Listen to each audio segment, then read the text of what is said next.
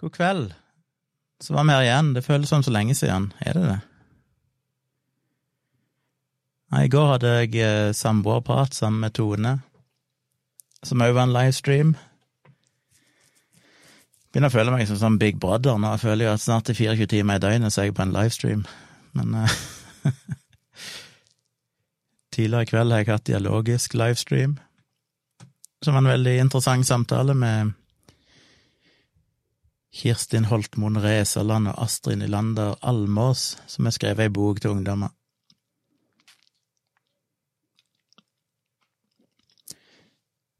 Yrjan spør om ikke jeg streama for sånn tre dager siden. Ja, det er det jeg lurer på. Når var sist? Ja, det er ikke så nøye. Det var kanskje i forgårs, for alt jeg vet. Jeg går litt i surr i dagene her nå.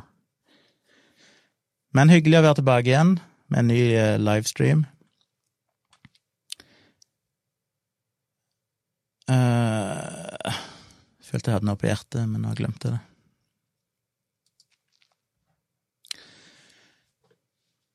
Nei, jeg hadde kanskje ikke livestream på lørdag.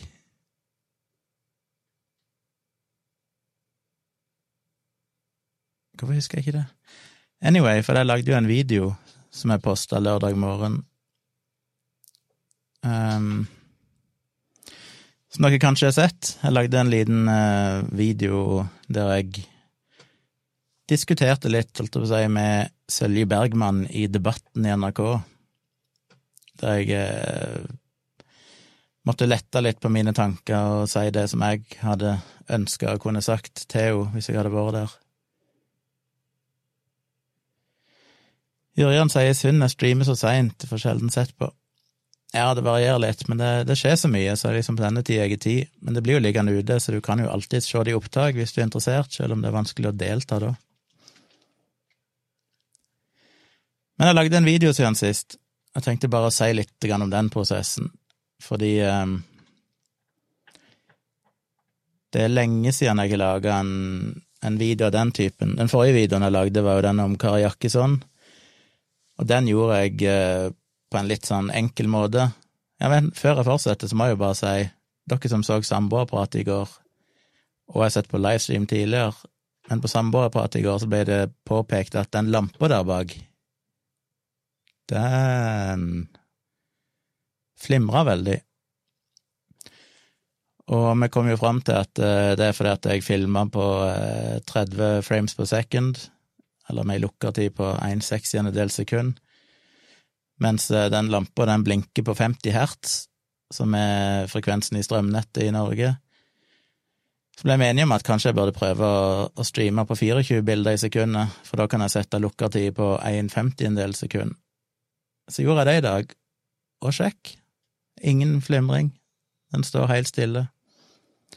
Så i går fikk jeg eh, snap fra noen som så på livestreamen til meg og Tone, og sa hun holdt på å få epilepsianfall av å se på. Men i dag så skal det ikke bli noe epilepsi, for nå er det bildet helt stille og fint. Det var litt gøy, egentlig, at det funka. Eh, jeg mistenkte jo at det funka, men eh, vi hadde jo en hypotese om at det kunne være noe rart med den lampa òg, siden Tone hadde montert en dimmer på den litt uautorisert, så Men det var bare frekvensen, ja. Hei til alle, hei til alle, ja, i chatten. Tindra, Håkon, videre. Nei, jeg lagde en video, og den forrige Kari Jakkesson-videoen jeg lagde, den lagde jeg basically med det oppsettet jeg har nå, for nå bruker jeg et streamingprogram som heter Ecam Live men du kan òg sette det i ren recording-mode, så du bare spiller inn rett på harddisken på datamaskinen. Og det er jo en enkel måte å gjøre det på, for da liksom bare da, da får jeg filet ferdig, og så redigerte jeg vel bitte grann, den Kari Jakkesson-videoen, og la det ut på YouTube etterpå. Men i går så hadde jeg lyst til å lage en video i 4K. Spør meg egentlig ikke hvorfor, for det er egentlig litt meningsløst, men jeg har hørt rykter om at YouTube muligens prioriterer 4K-videoer i algoritmene sine, bitte, bitte grann, sånn at hvis du har en 4K-video, så er det litt større sjanse kanskje for at YouTube pusher den. Men eh, så for å spille inn på 4K og gjøre det litt skikkelig, så spilte jeg inn på en dings som står oppå kameraet, som heter Atomos Ninja V, som er en ekstern skjerm som er montert oppå kameraet, med en SSD, så jeg kan spille inn rett, rett inn på den disken, og så importere det på datamaskinen etterpå. Og det var litt uh, lenge siden jeg hadde gjort det, og det er det verste som fins når du kommer litt ut av det, for da må en liksom få satt opp ting på nytt. Så tenkte jeg først å spille inn med en sånn mygg som jeg har, for å slippe å ha den mikrofonen i trynet. Men da kom jeg litt tilbake igjen til det jeg sleit med tidligere, at det blir så dårlig lyd. Og det er samme myggen, den røde Wireless Go.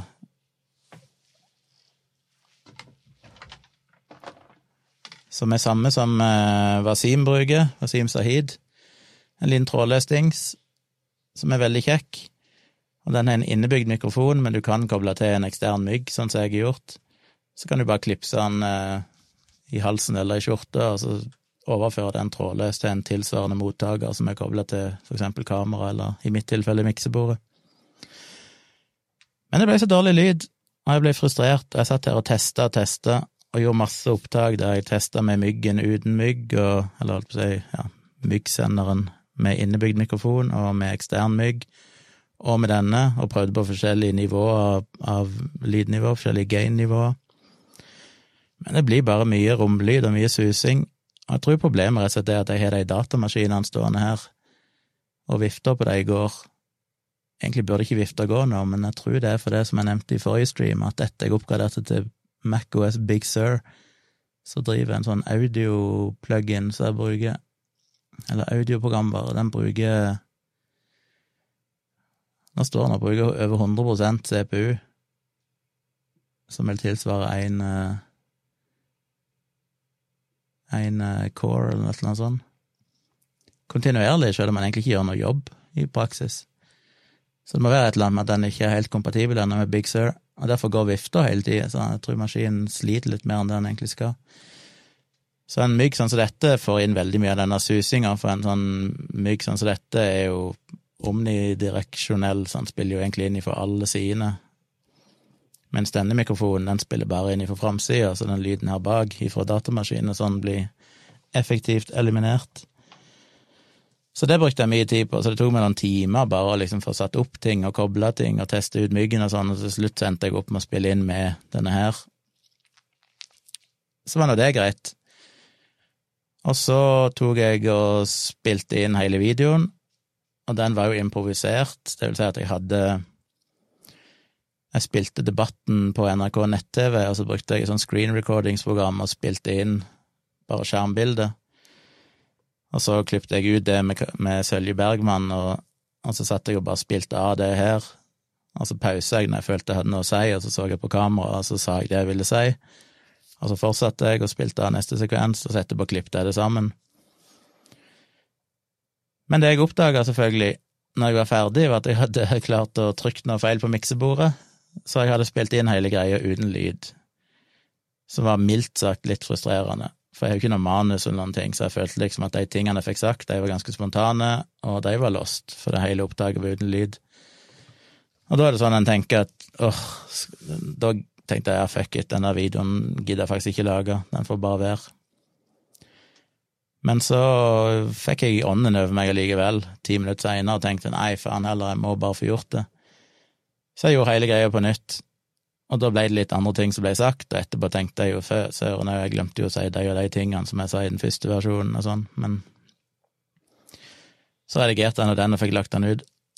Poenget mitt er vel bare det at det er overraskende mye jobb som ligger bak en kort video på 20 minutter. Det tok meg mange timer å bare få utstyret klart, men nå har jeg jo det klart, så neste gang forhåpentligvis har jeg lært av mine feil. Og det endelige resultatet ble jeg veldig fornøyd med. Og jeg fikk en hyggelig kommentar under videoen som jeg satte pris på, da det var en som skrev det, at uh, han syntes det hadde blitt bra kvalitet på lyd og lys, og det må jeg si, det var nok den, den videoen jeg har lagd som har best lyd og lys, og det gleder jo meg veldig, selv om det er sikkert ikke noe som veldig mange andre tenker på nødvendigvis. Det er jo innholdet som er det viktigste, men jeg blir glad at uh, Blir glad for at uh, jeg når de målene jeg ønsker, med å liksom prøve å få ting til å se mer og mer proft ut. Jeg så jo selvfølgelig ting jeg ikke var helt fornøyd med etterpå, som kan forbedres, men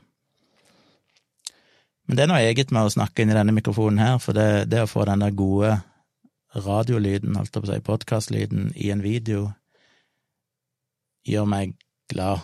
For det er jeg ikke noe glad i Jeg er veldig sånn opptatt av den lyden spesielt, og hvis jeg føler at det er dårlig lyd på videoopptaket, så irriterer det meg grenseløst. Mye mer enn det det burde gjøre. Så jeg følte det var et oppsett som funka, men jeg skulle egentlig ønske jeg kunne ha brukt myggen, så jeg slapp å sitte med denne mikrofonen i trynet på videoopptak, men det er jo mange som gjør det òg, det er sin sjarm, det å ha liksom mikrofonen synlig.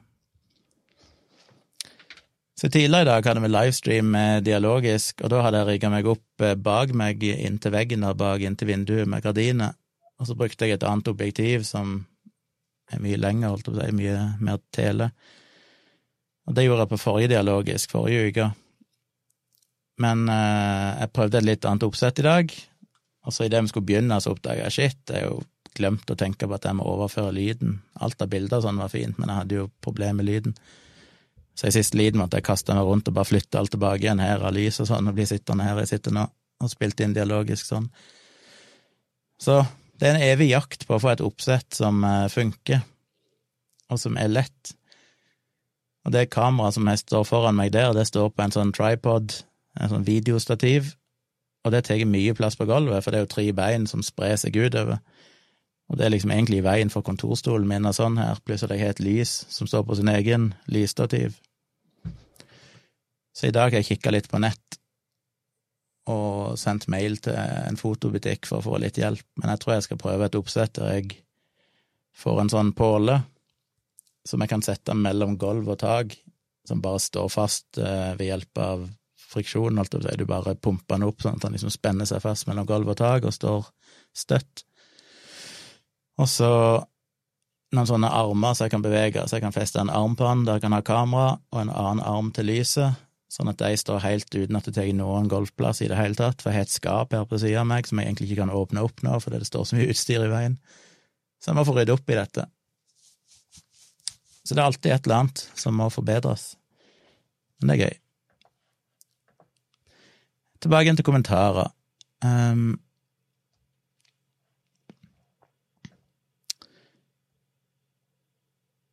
Håkon skriver god aften, godt selskap på øre slash øye under nattskift imellom arbeid, innimellom arbeid. Ja, hva du jobber med på denne tida, Håkon? Det er jeg nysgjerrig på. Jørjan skriver òg ja, lukkertid som ikke går i 50 hertz, gir flimmer i lyset, ja, ofte et problem. Så skriver Niklas det som jeg egentlig sa i går, synes den flimringa ga en litt fin effekt, fikk sånn stearinlyseffekt. Ja, det var det jeg òg sa i går i samboerprat, at jeg syntes det var et eller annet koselig med det, for det føltes litt som at det var et levende lys. Og den flimrer litt naturlig òg. Vet ikke om du ser det på kamera, for det er ute av fokus, men helt uavhengig av kameraet, så står han faktisk og flimrer litt, så han har en sånn liten, naturlig flimmer.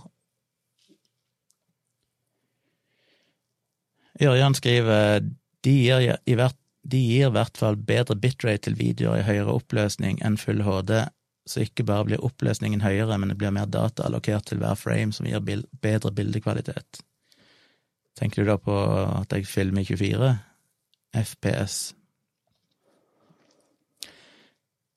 Teknisk sett så gjør det kanskje det, men YouTube jo komprimerer jo videoene og herjer så mye med det at uh, meg og Wasim har jo drevet og testa litt, og han sendte meg en gang en video han hadde filma, bare sånn lite klipp av familien, der han hadde en ISO på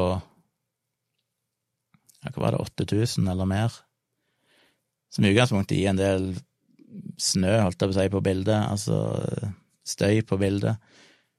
Og hadde du sett videoen i full oppløsning på skjermen, så hadde du kanskje sett den snøen, men når du sender det til YouTube, så blir det jo så komprimert og sånn at den men generelt sett så er video lite diskriminerende, for video bruker generelt sett mye mindre piksler enn det et foto gjør.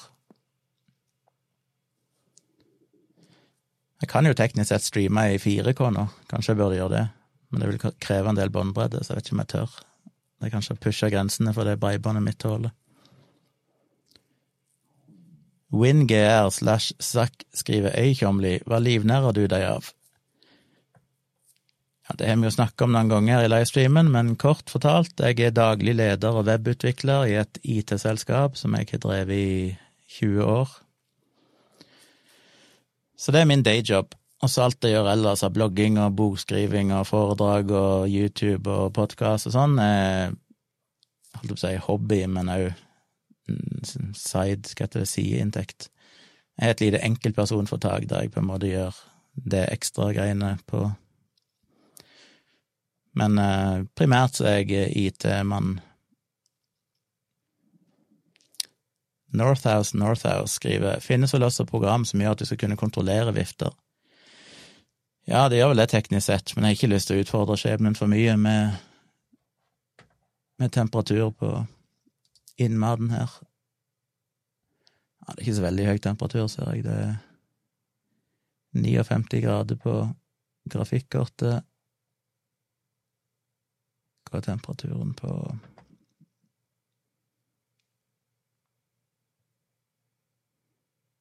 Ja, den ser jeg ikke før jeg Da må jeg inn og grave litt. Jeg tror ikke det er veldig høy temperatur, men uh, jeg regner med det problemet løser seg så fort de kommer med en oppdatering til det programmet som gjør at de ikke lenger driver og spiser CPU på den måten. For det var ikke sånn før jeg oppgraderte til Big Mac. Big Mac. til MacOS Big Sur.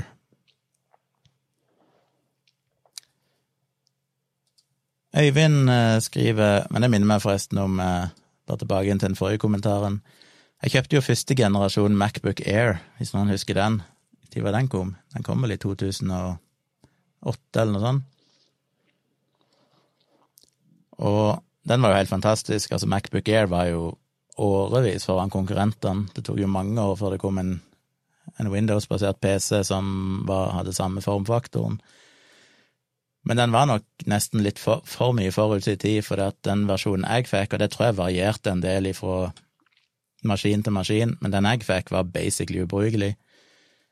Fordi hvis jeg bare prøvde å spille av en YouTube-video på den, så stagnerte den helt, fordi CPU-en gikk varm umiddelbart, og ingenting funka, så jeg kunne jo nesten ikke gjøre noen ting på den, så bare virka den ikke. Og jeg er litt usikker på meg om det er en feil de ville ha gjort noe med, men istedenfor så installerte jeg et lite program som jeg ikke husker navnet på lenger nå, men som basically gjorde at du kunne justere volt, altså hvor mye spenningen inn på CPU-en på begge corene. Det var to cores, tror jeg, på den.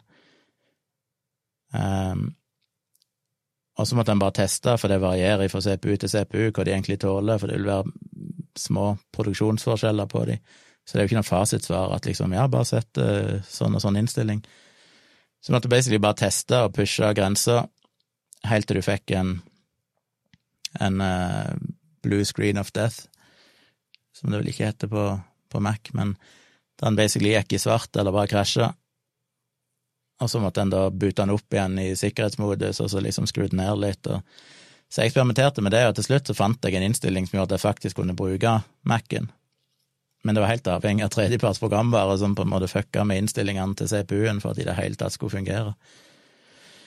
Så kjøpte jeg neste generasjon et par år seinere, sånt, og den funka fint, men den første generasjonen, den var jo helt ubrukelig. Men eh, Øyvind spør, klarer ikke å plassere dialekten din, hvor er du fra?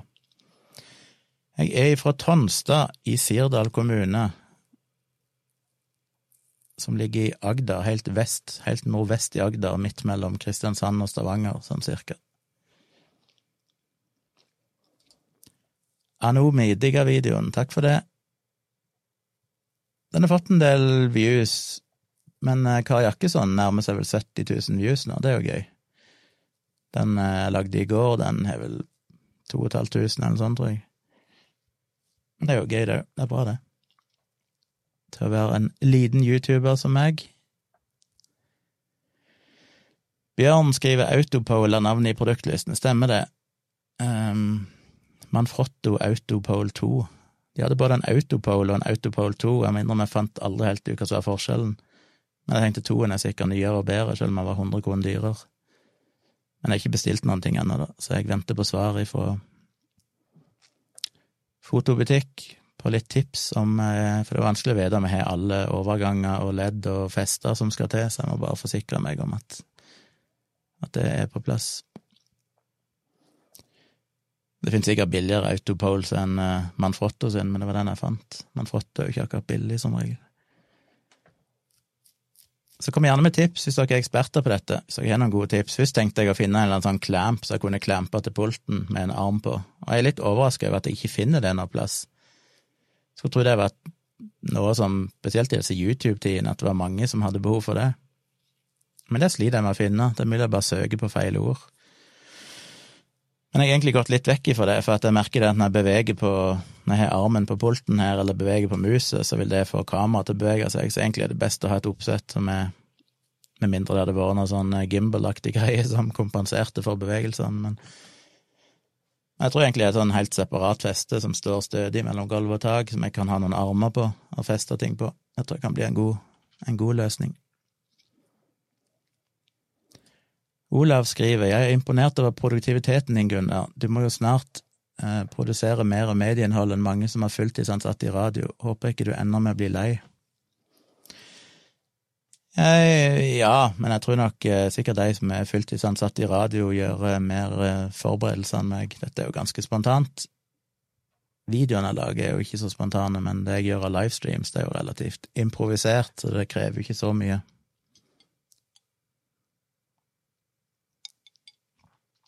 Og dere som skriver i kommentarfeltet her, eller chatten, gjør jo halve jobben for meg, så det er bra. Men bli lei? Nei, det vet jeg ikke. Jeg holder på så lenge jeg syns det er gøy. Det er Jeg kan sikkert ha perioder der jeg blir lei, men uh, jeg er litt sånn Jeg er glad i å gjøre mange ting, så jeg driver jo med foto, jeg driver med video, jeg driver med blogging, podkast, og så har jeg egentlig lyst til å gjøre mer av alle tingene. Men det går litt sånn periodevis at jeg er litt fokusert på én og én ting. Akkurat nå så er jeg veldig glad i video og streaming igjen. Og litt fordi at å ta bilder er litt vanskelig nå i disse koronatider. Jeg føler meg ikke helt komfortabel med å avtale fotoshoots med folk, fremmede folk, for det Ikke at den er så veldig nærgående, men allikevel. Det betyr at en må reise ned i byen og være blant folk og Ja, det går sikkert an å unngå det òg, men akkurat nå tenker jeg det kan være greit å ha litt litt pause for det, med mindre noen skulle spørre meg og ønske det.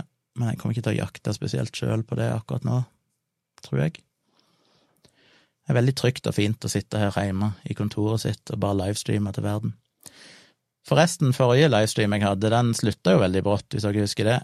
Eh, midt i en setning, jeg var jo i ferd med å avslutte, så det var greit nok, men midt i en setning så bare boff, så fikk jeg melding om at eh, han hadde mista internettforbindelsen her. Og det er litt kjipt, så nå sitter jeg og er livredd for det hele tida, at det skal skje igjen. Ikke så kritisk hvis det er denne livestreamen, det er verre hvis vi har dialogisk og intervjuer folk og sånn, og så plutselig mister jeg nettet. Men eh, Så det var litt sånn tricky, jeg bare mista nettet, og så tenkte jeg hva skal jeg nå gjøre? Jeg tenkte ja, ja, og så kobler jeg bare ifra her og tenkte jeg får bare legge ut dette her. For jeg gjør det jo om til podkast etterpå, jeg ripper ut lyden, holdt jeg på å si, og så redigerer jeg den litt, og så legger jeg det ut som podkast inne på min Patrion.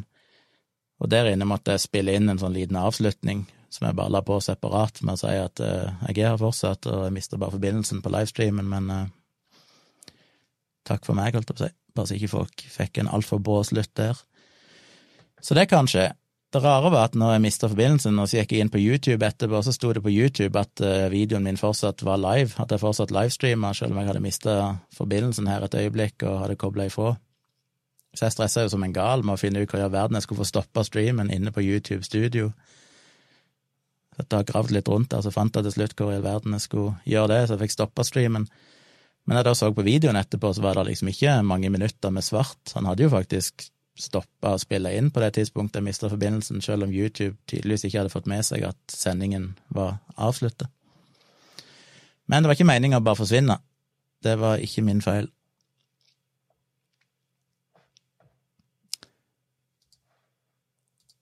Skal vi se her Åh, oh, fuckings Schibsted. Um, en som spør meg om vaksine. Jeg har ikke hatt tid til å lese, jeg, for jeg har vært på andre streams, som sagt. Jeg måtte bare inn og se her. En ellevte koronavaksine har nå gått inn i den siste avgjørende testfasen. Det indiske selskapet Bharat Biotech melder at deres fase tre-testing av vaksinen Covaxin startet i dag. Vaksinen skal testes på 26 000 deltakere på over 20 steder i India. Dette er ikke en av vaksinene Norge kan få tilgang til gjennom EU-alliansen. Ja, var det den du mente? En liten og en tjukk, som du kaller deg. Nei, ikke så mye kommentar til det. En kommentar til dagens nye vaksine, spør han eller hun. Uh, nei, det er jo mange vaksiner som er i fase tre-studier nå, som pågår, så vi får bare se hvordan det går. Hvis du derimot mente den Pfizer-vaksinen som det var mye snakk om, så har jeg snakka litt om den tidligere, så jeg skal ikke gjenta det for mye, med mindre du har noen mer konkrete spørsmål, tror jeg. Iver Ruler skriver apropos hobbyer, spiller, lager du fortsatt musikk, og om så, hvilket instrument bruker du mest? Nei, jeg gjør egentlig ikke det. Jeg har så mange ting å drive med at musikk eh, har blitt litt eh, nedprioritert i mange år. Så jeg kjøpte jo, jeg må nesten bare vise det.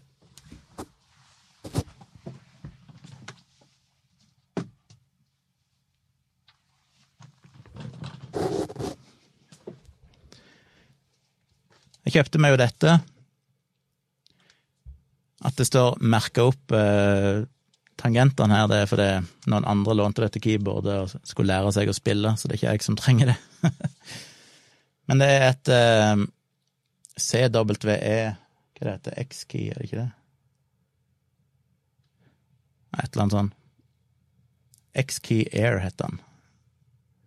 Hvis du klarer å lese det.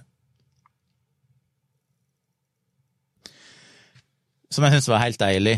Det er bare sånn jeg elsker. Det er jo litt den Apple-filen. Det er så lite og tynt, og det er Bluetooth. Så den kan jeg bare koble til um, en iPad trådløst, hvis jeg vil det, og jamme i vei. Så hvis jeg skal lage noe musikk, så kommer jeg nok til å bruke denne, for det er sånn jeg elsker når det er så lite og tar så lite plass, og det er ikke masse kabler og styr. Det er jo ikke de beste tangentene, men det duger til å spille inn uh, elektronisk musikk hvis jeg skulle få lyst til det. Så har jeg en gitar stående og sånn. Jeg hadde et elektrisk lagverk òg en periode, men det solgte jeg igjen, for det tok litt mye plass i den forrige, forrige leiligheten min. Det fylte jo halve soverommet.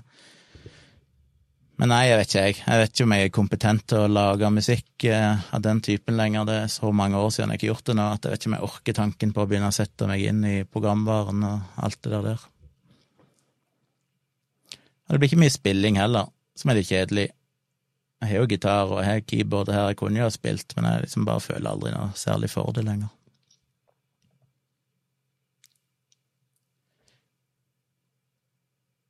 Um, mm, mm. Hva er det Anomi har sagt her oppe? Hva har jeg gått glipp av? Skjønte jeg ikke helt.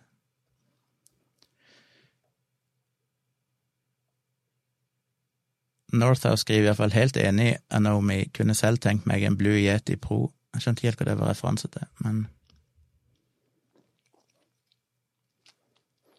Jeg har en Blue Yeti òg, som dere ser der bak, som jeg har brukt litt. Den bruker jeg ikke nå aktivt til noen ting. Tone brukte den en stund til sin podkast, men så kjøpte jeg jo en sånn røde Procaster til hun òg, så nå har hun litt, litt mer egna utstyr.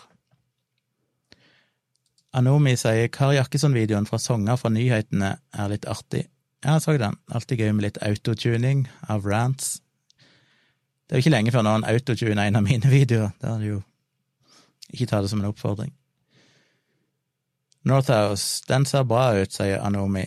Litt for dyr til hva jeg er villig til å betale. Snowboard koster meg 600-700 eller noe. Trengte bare noe brukbart til Skype. Ja, den jeg har bak der, det er jo en Blue Yeti, men jeg vet ikke en Blue Yeti Pro, er det en ny, en annen modell? Jeg vet ikke om dette er Pro, jeg tror ikke det. Eller er det det? Vet da faen. Anomi sier har gjort seg enda mer betalt i koronatider. Ja, det er kjekt å ha streamingutstyr og sånn. En god mikrofon er noe alle trenger. Det er litt frustrerende når vi har gjester i Dialogisk, at uh, de aller fleste har jo bare AirPods, eller de bruker den interne mikrofonen på datamaskinen sin, det blir jo ikke Det blir jo ikke det beste. Jeg syns alle arbeidsgivere burde sende ut en mikrofon eller et skikkelig headset iallfall til alle sine ansatte, så de kan ha litt bedre lyd. Northouse skriver så det var en som skrev av den videoen din, Kari, at det var mobbing.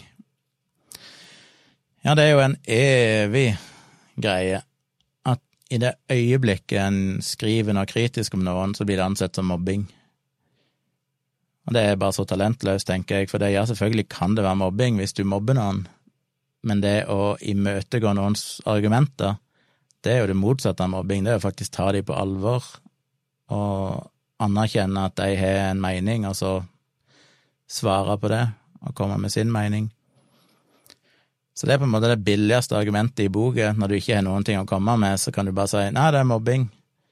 For da har du liksom vunnet debatten uten at du i det hele tatt må forholde deg til innhold og sak. Og det er altså så talentløst. Men det Det funker jo for noen, tydeligvis, for folk er jo veldig var på det at du skal ikke mobbe, og det er jo viktig. Men når du har en person som Kari Jakkesson, som er en så til de grader offentlig person, som sjøl legger ut sånne ting, og sjøl er temmelig ufin mot andre mennesker, og så får hun en saklig kritikk fra meg, og så er det liksom mobbing, det Den kjøper jeg ikke.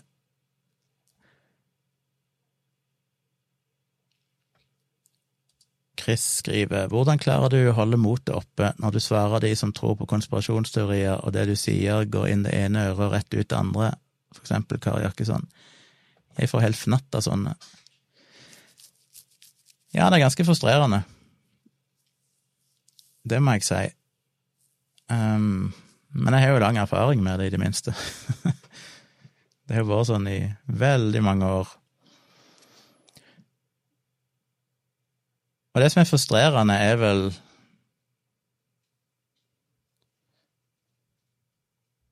Det er ikke frustrerende fordi jeg mener at jeg absolutt har rett, men det er vel heller det at jeg da ikke får motargumenter som i det hele tatt er relevante eller saklige. Selvfølgelig får jeg det òg, altså, men det er jo en del folk som som bare virker som de er de har bare Det høres alltid så arrogant ut å si det, men det er jo realiteten. De har på ingen slags måte kunnskap om temaet, de har bare plukket opp et eller annet fragment her eller der som høres overbevisende ut for deg, og med en gang du på en måte viser at dette stemmer ikke med forskning eller dokumentasjon, så forholder de seg på ingen slags måte rasjonelt til det. Og Det er deprimerende, men jeg vet ikke hva en kan gjøre. Det, sånn vil det jo alltid være. Men jeg holder jo motet oppe fordi at jeg eh, brenner for tingene sjøl, og primært fordi at enhver video jeg lager, eller enhver bloggpost jeg skriver, eller enhver rant jeg har på en eller annen podkast eller noe sånt, er jo først og fremst en diskusjon med meg sjøl, der jeg prøver å overbevise meg sjøl om at jeg har et poeng, for jeg er så ekstremt tvilende alltid til det jeg har å si, at uh, hele den prosessen med å lage en video, eller prosessen med å skrive en bloggpost, er jo for meg først og fremst en øvelse i å prøve å finne ut hva som er sant. Som igjen på ingen slags måte betyr at jeg nødvendigvis er rett, men det er liksom min beste, mitt beste forsøk på å prøve så godt jeg kan å finne ut hva som er sant om et tema, og overbevise meg sjøl nok til at jeg kan føle meg trygg på at dette kan jeg si eller skrive. Og det høres kanskje litt rart ut, men det er jo primært drevet av en sånn indre kamp der jeg ikke har lyst til å forstå ting og føler meg eh, egentlig inkompetent, og dermed må jeg liksom hele tida føle meg tryggere på at det jeg her sier er fornuftig, og da må jeg søke mer dokumentasjon. Så jeg tror det som gjør at jeg holder motet oppe, er fordi at jeg har en sånn Jeg har jo en tørst etter å forstå ting, uavhengig av om andre egentlig lytter til det eller ikke, så er jo de rantene og de tingene jeg skriver, mest en sånn øvelse for meg sjøl i å, å fremføre argumentasjonen på en måte som er sammenhengende og god, og forhåpentligvis bedre enn sist gang, og prøve å bli bedre og bedre.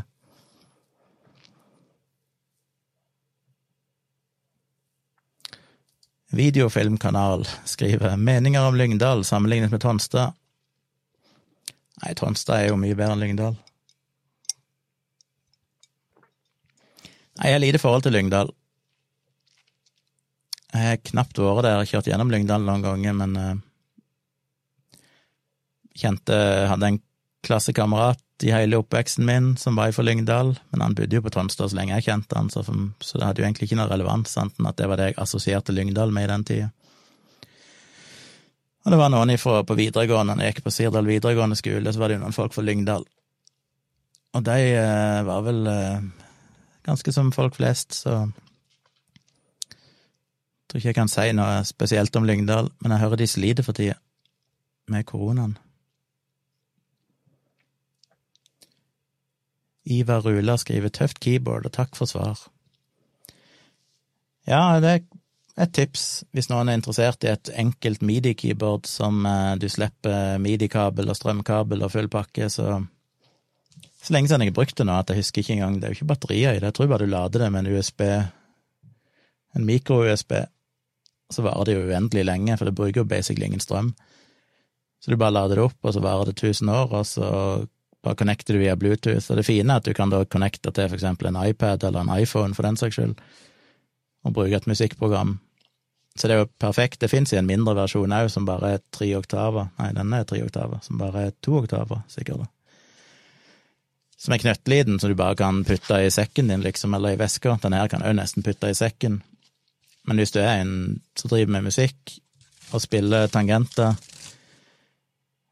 så kan du egentlig ha med deg en iPad og denne her, og da har du et fullverdig produksjonsstudio. Du kan jo lage en ja, en fullverdig produksjon med de to tingene, egentlig. Så det er ganske hendig, det må jeg si.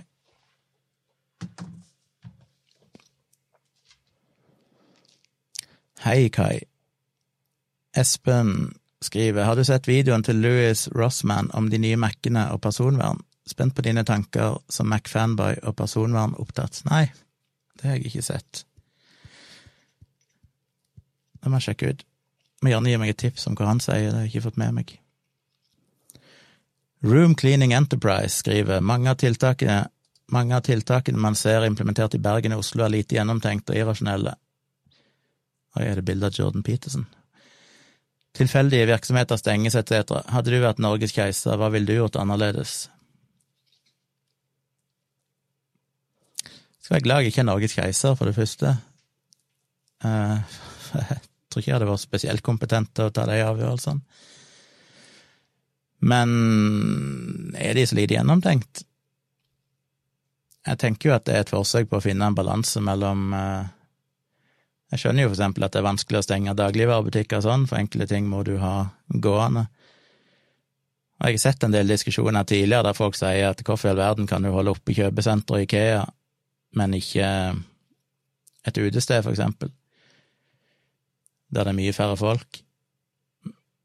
Og jeg antar jo at det handler om at risikoen på et utested som regel er mye større, for jeg tror det er folk glemmer at det er ikke nødvendigvis antall folk på et sted, men det er jo hvor lenge og nærme du er i nærheten av noen. Og hvis jeg går på Ikea, så er jeg veldig sjelden så blir jeg sjelden stående i nærheten av noen i mange minutter, enten eventuelt i køen, men da regner jeg med de praktiserer to meters avstand eller noe sånt. Så du passerer hverandre, og det skriver jo i retningslinjene fra myndighetene òg, at de der reglene om avstand og sånn, det gjelder ikke med korte forbipasseringer. Og risikoen for å bli smitta når du passerer noen, for eksempel, er jo veldig liten, så, så er det jo veldig mye volum òg inne i et Ikea-bygg eller kjøpesenter. Det er ofte høyt under taket, og det er liksom relativt god ventilasjon, vil jeg anta.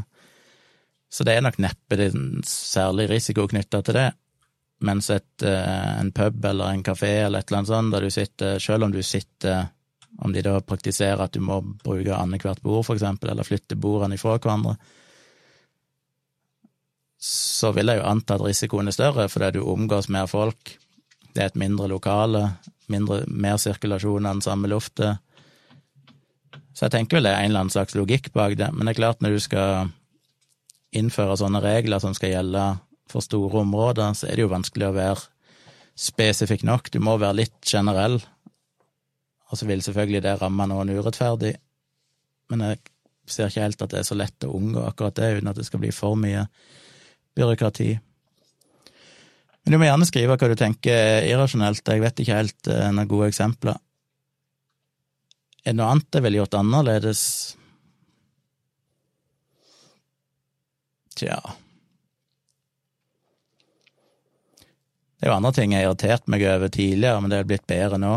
Men i starten, for eksempel, og det er ikke myndigheter sin feil, selv om de kanskje kunne pålagt det, men det var når jeg tok toget Jeg bor jo litt ute ved Oslo, så jeg må ta toget i et lite kvarter for å komme inn til sentrum. Og eh, da reagerte jeg alltid på at det var, det var før det ble påbud om munnbind, men det var oppfordra til å bruke munnbind. Så brukte jo veldig få passasjerer det, kanskje 10 men jeg brukte det. Men det overraska meg at de som jobba på toget, de brukte jo ikke munnbind, og de er jo på toget i timevis og går fram og tilbake mellom passasjerene hele tida. Og det får jo være deres risiko, men jeg tenker jo det handler litt om å være forbilde, så jeg irriterte meg litt over at det var mye klaging på at uh, passasjerer Altfor få passasjerer brukte munnbind, men det er noe med når de som jobber på toget, konduktøren og sånn, ikke bruker munnbind, så syns jeg det er et dårlig eksempel. Så jeg skulle ønske at når du hadde Jeg mener det har de vært flinke på fly, selv om fly er noen mindre risiko igjen, på grunn av at de har veldig god ventilasjon og sånn, utskifting av luft hvert tredje minutt, og HEPA-filter og full pakke. Eh, så er iallfall alle i kabinpersonellet går jo med munnbind. Så hadde det vært sært på flyene òg, hvis jeg sa passasjerene med munnbind, mens gikk kabinpersonellet uten munnbind. Så jeg syns egentlig Vy var et dårlig forbilde i den tida. Men uh, de siste gangene nå har jeg ikke tatt toget så veldig mye, for jeg har stort sett ikke reist ned til byen, men de få gangene jeg har gjort det nå, så har jeg vel stort sett sett at, at de som jobber på toget òg har begynt å bruke munnbind. Men det er enkelte sånne ting som irriterte meg litt, men det er jo ikke primært myndighetene sine sin feil, selv om de kanskje kunne ha innført påbud om at folk som jobber på sånne plasser, der det er anbefalt at passasjerer skal ha munnbind, de er kanskje påbudt å ha munnbind. Men det er ikke noen big deal generelt sett. Det er bare et snakk om forbilde. Men kom gjerne med noen eksempler, så kan jeg diskutere mer konkrete eksempler i så fall. Johan skriver, hva tenker du om at Trump setter kjepper i hjulene og ikke samarbeider med Biden om fremtidige planer for håndtering av pandemien? Nei, det er det så mye å tenke om det. Det er jo idiotisk, men det er jo Trump. Det er jo Han er jo Det høres alltid ut som billig kritikk, men det er vanskelig å ikke se på det som en av de mer treffende kritikkene. Det er jo basically at han er som en trassig fireåring som når han ikke får viljen sin, bare gjør alt han kan for å motarbeide alle og rasere mest mulig. Det er jo sånn det fremstår. Men jeg så en ny teori, eh, var det på Twitter eller et eller annet sted jeg leste det. Jeg har jo hatt en, Vi har diskutert det i livestreamen her tidligere, hva kommer til å skje med Trump? Kommer han til å Ja, kommer han til å gå av på noen måte som er fornuftig? Og Jeg så noen hadde en teori nå som var litt interessant, og det er at et alternativ er at Trump kanskje bare ender opp med For det virker jo litt sånn nå, ut ifra det lille jeg har fått med meg, at han basically har slutta å jobbe. Han er liksom bare sånn fuck it. Og det er ikke Det var noen som spekulerte i kanskje det han gjør, kanskje han nå bare kommer til å stille forsvinne og tilbringe resten av de to neste månedene på golfbanen, og så bare hører du ikke noe ifra han. Men Det er hans måte å gjøre det på, istedenfor å lage mye oppstyr, bortsett fra de rettssakene som jo feiler alle sammen omtrent. Så kommer han egentlig til å være relativt stille fram til han bare forsvinner. Det er en mulighet, og det hadde jo vært litt deilig, men vi får se. Men det er jo selvfølgelig tragisk. Trump vil jo ikke innrømme feil, så det å samarbeide med Biden vil vel bli sett på som en slags innrømmelse av feil. At liksom, ok, her kommer Biden med en annen plan, og den skal hjelpe han med det, eller samarbeide om. Det vil vel bare bli feil for Trump. Jeg kan liksom ikke forestille meg at det ligger i hans natur eller personlighet å kunne klare å gjøre det. Fordi han har vel ingen historikk som tyder på at han er villig til å samarbeide med noen som ikke gjør noe som tjener hans interesser spesifikt. For det er jo egentlig alt som betyr noe for han. Så jeg tror ikke han har noen ambisjoner om å gjøre det beste for det amerikanske folket på tampen. Hurdur Media skriver 'Slam that, that like button, sub, hit the bell and become a patron'. XD. XD. Ja, helt enig. Men i dag har jeg fått eh, forholdsvis messig mange likes sammenlignet med seere. Så det er bra, en bra trend. Det er viktig å like, for det sprer videoen. Det hjelper YouTube sine algoritmer til å kanskje pushe videoen min litt opp. Og eh, abonner, selvfølgelig, for da får dere med dere fremtidige videoer og livestreams. Northhouse skriver og at det argumentet med 'det dør flere av influensa', den syns jeg er litt tynn. Eh, hva syns du er tynt? Å hevde at eh, det gjør det, eller at det ikke gjør det? Fordi det er jo liten tvil om at det dør flere av influensa, det er vel bare å se til USA, der tallene nå er Hva var det jeg skrev? Jeg henta fra min egen bloggpost for å huske tallet her. Skal vi sjå Influensadødsfall.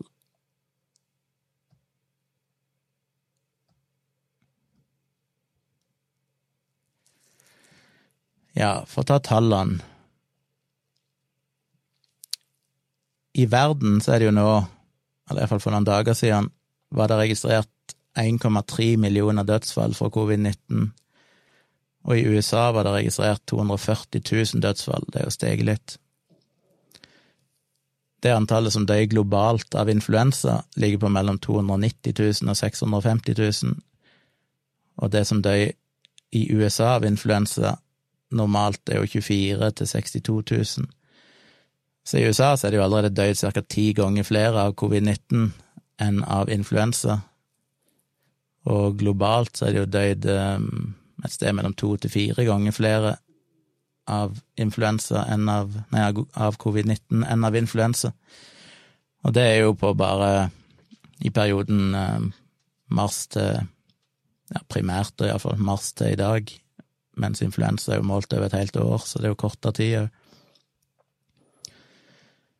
Så jeg sliter litt med å se at ikke det er sannsynlig.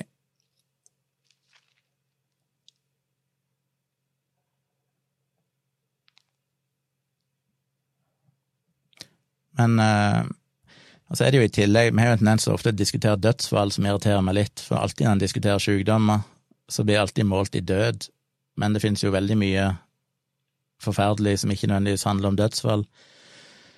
Når jeg snakker om, nei, meslinger, for eksempel, så er det jo ofte snakk om meslingdødsfall, men som er liksom to til tre per tusen som blir smitta. Men det en glemmer, er at en del av de, eller en del i tillegg til det, ender jo opp med hjerneskader og bli permanent døve eller lamme og sånne ting. Men i tillegg til det så er det jo De siste varierer litt, da, men de siste meslingutbruddene som har vært rundt om i verden, i den vestlige verden, der har jo gjerne 30% pluss-minus havna på sykehus fordi du får komplikasjoner som lungebetennelse og sånne ting, som du kanskje ikke dør av, og kanskje ikke får noe permanent skade av, men det er vanskelig å si at det er uproblematisk. Lungebetennelse er jo gjerne det som dreper folk når de får meslinger, men det er primært da små barn eller babyer. Men det er liksom, det er jo ikke ubetydelig selv om ikke du dør eller får en permanent skade. Det er jo fortsatt et problem at en så stor andel ender opp på sykehus med lungebetennelse, for eksempel. Og det er litt samme greie med covid-19, at det der er Når du snakker om eh, hvor mange som blir alvorlig syke, så sier jo CDC at med covid-19 så er det 174,8 per 100 000 som ender opp på sykehus, mens det i en influensasesong bare er 66,4 per 100 000. Så det er jo nesten tre ganger flere som blir alvorlig syke og må på sykehus av covid-19 sammenlignet med influensa. Så norske tall viser at dødeligheten er på 0,31 fra covid-19, mens influensa blir ofte regna til å være 0,1% som døy.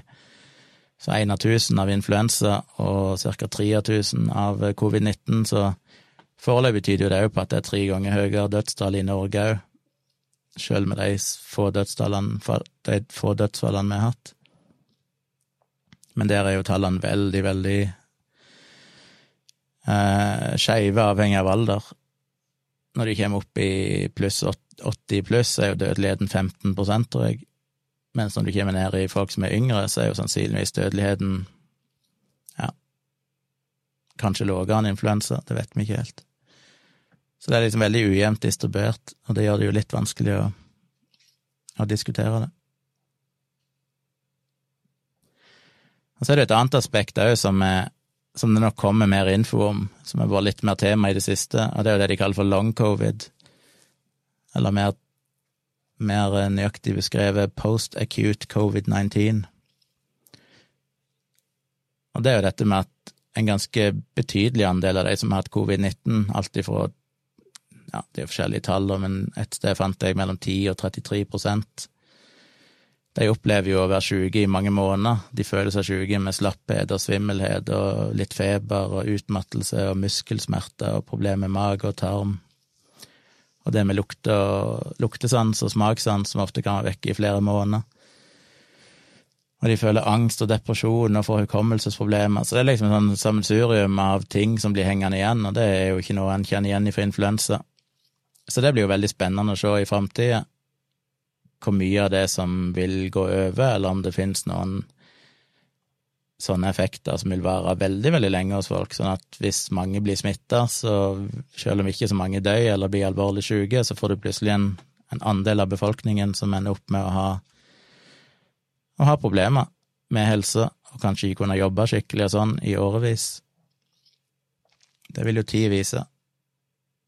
Men uh, ja, jeg tror nok uh, dataen for at det er mer alvorlig enn influensa, synes vel å være ganske klare.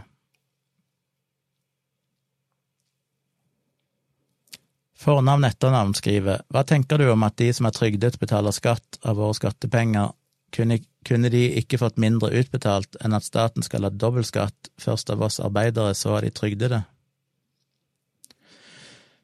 Det kan jeg for lite om, jeg vet ikke helt hvorfor det er sånn at du får trygd, og så må du betale skatt av det. Det er vel en eller annen logikk i det, uten at jeg er noen eh, økonom. Det kan kanskje andre svare på.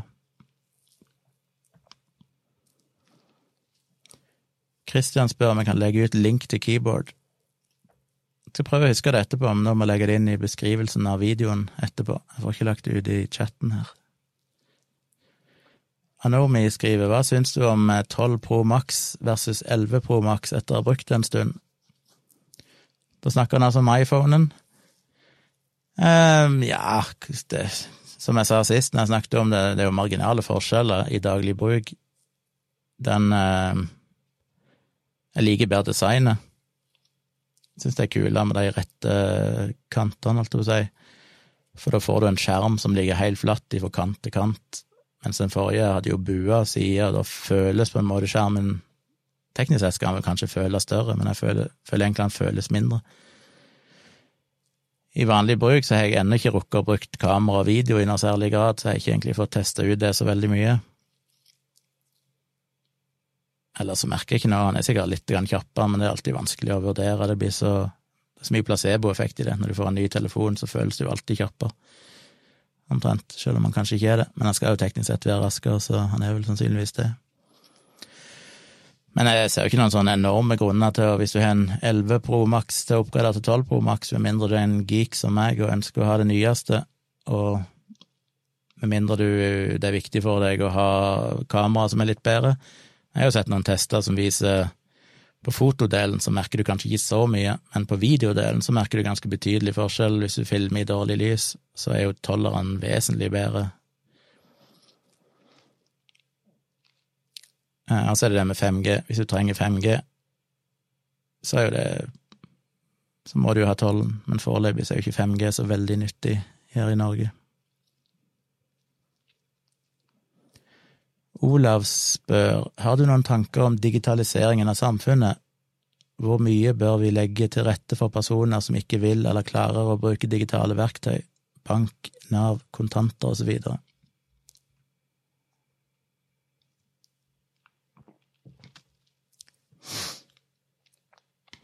Ja, det sliter jeg jo med sjøl, for jeg uh, er jo webutvikler, og vi har jo denne Newsflow som jeg jobber med, som er min primære jobb, som er en nettavis-publiseringsløsning. Og det er jo krav nå, jeg husker ikke om de trer i kraft ved nyttår, eller om de tredde i kraft ved nyttår som var nå, 2020, eller om det er neste år, et eller annet sånt. Men det er jo krav til universell utforming. Og det har jo vært krav til nye nettsteder i noen år allerede, men eksisterende nettsteder, når det kravet ble innført, de fikk jo noen ekstra år på seg til å fikse ting. Så det med universell utforming, som altså betyr at du må kode det sånn at det fungerer med skjermlesere og sånn, som for eksempel svaksynte og blinde bruker, og så videre, det er jo egentlig et uh, krav til nettstedet i dag. Og det syns jeg er en god ting, det må jeg si. Det er klart det er frustrerende, for det er veldig mye ekstra arbeid som føles som ah, Jesus, hvorfor skal jeg bruke så mye tid på det, når det er ikke veldig mange som har nytte av det. Men for det første så er det jo som regel en del flere enn det en tror, men en står og glemmer litt alle de som trenger den ekstra hjelpen, eh, eller trenger den ekstra tilpasningen. Og jeg syns selvfølgelig det er viktig å legge til rette for at de skal bli inkludert. Enkleste måten å se det på er jo bare et kort øyeblikk å visualisere meg sjøl som å ha mista synet. Så tenker jeg herregud, så glad jeg ville vært for alle som tilrette, la til rette for at nettsteder og sånt skulle være fungerer òg for meg, selv om jeg ikke kan se. Så jeg syns jo det er veldig viktig. Og jeg tror jo det er overkommelig for de fleste å få det til, selv om det selvfølgelig er krevende for små bedrifter som min, for eksempel, å bruke mye ekstra ressurser på det, for det er jo ikke noe vi teknisk sett kan måle noe inntekt på, det er ikke noe vi har igjen. Du har liksom lyst til å bruke tid på andre ting som du kanskje kan få noe igjen for en sånn businessmessig. Men jeg ser jo at det er viktig. Så det syns jeg er bra. Og jeg syns det er bra at regjeringa på en måte legger krav om det, for jeg tror det ville vært nesten umulig å ha fått folk til å gjøre det frivillig, for det, det blir for vanskelig i et kapitalistisk samfunn. Så er det ikke så mange, tror jeg, som hadde prioritert det, med mindre de hadde ei målgruppe som var veldig avhengig av akkurat det.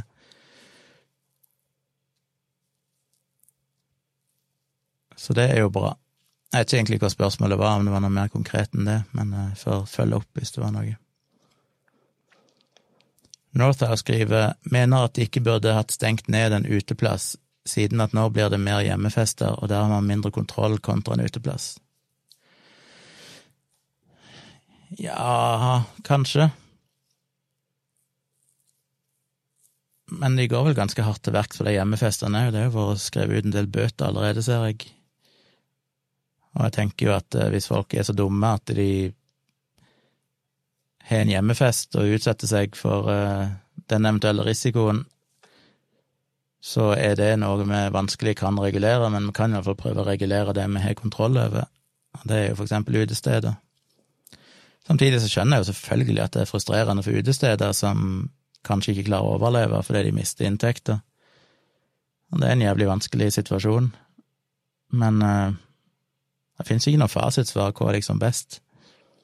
Men som jeg skriver i den siste bloggposten min, så er det jo en del eksempler fra spesielt USA, for det er jo så stort at der kan du i større grad sammenligne stat med stat og sånn, og der har det vel vist eksempler iallfall på at områder eller stater eller hva det var, eller byer, jeg vet ikke hva lokalt det går ned, disse kravene, men uh, der de har åpna tidlig, ser ikke ut til egentlig å ha noen boost i økonomien, fordi at folk da lever under frykt, og det virker som at det er like effektivt å heller bare stenge ned ting og sørge for at færrest mulig er syke, for da å kunne gjenåpne fortere, og bruke litt den der uh, flatten the curve-strategien med at du kan åpne litt og så stenge ned igjen, sånn som er gjort i Norge, litt avhengig av smittepresset.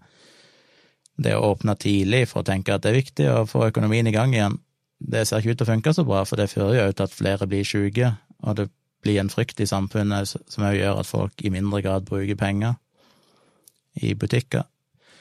Så jeg tror ikke det er noe sånn klart svar. Det er ikke så enkelt, tror jeg, som å si at hvis vi hadde åpna opp mer, så hadde økonomien gått bedre.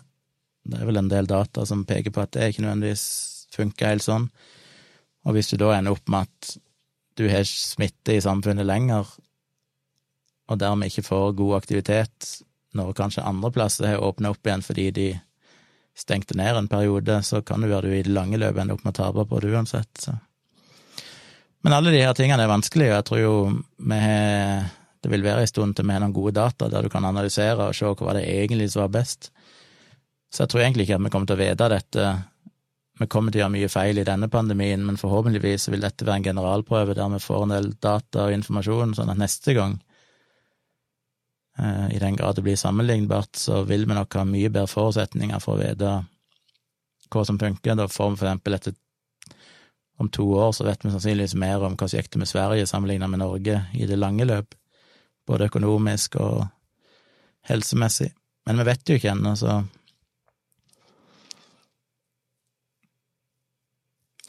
Så jeg har på en måte respekt for at eh, regjeringa er i en vanskelig situasjon, at de må ta noen valg, og det vil det være kritikk av, men det vil det nok være uansett hva de gjør, så det er litt Det fins vel neppe noen fasit, som sagt. Northhouse fortsetter, og er det ikke mulighet for å dra til utlandet også der, at uteplasser ikke er hovedproblemet? Jeg mener vel å ha sett noen nye data som pekte på at det var nok mer spredning, at restauranter og utesteder var en ganske Jeg vet ikke om det gjelder Norge, for at Norge er lite og vi har lite smitte, men i andre land der det har vært mer smitte, så ser restauranter og kafeer sånn ut til å være en ganske sentral hub for smittespredning.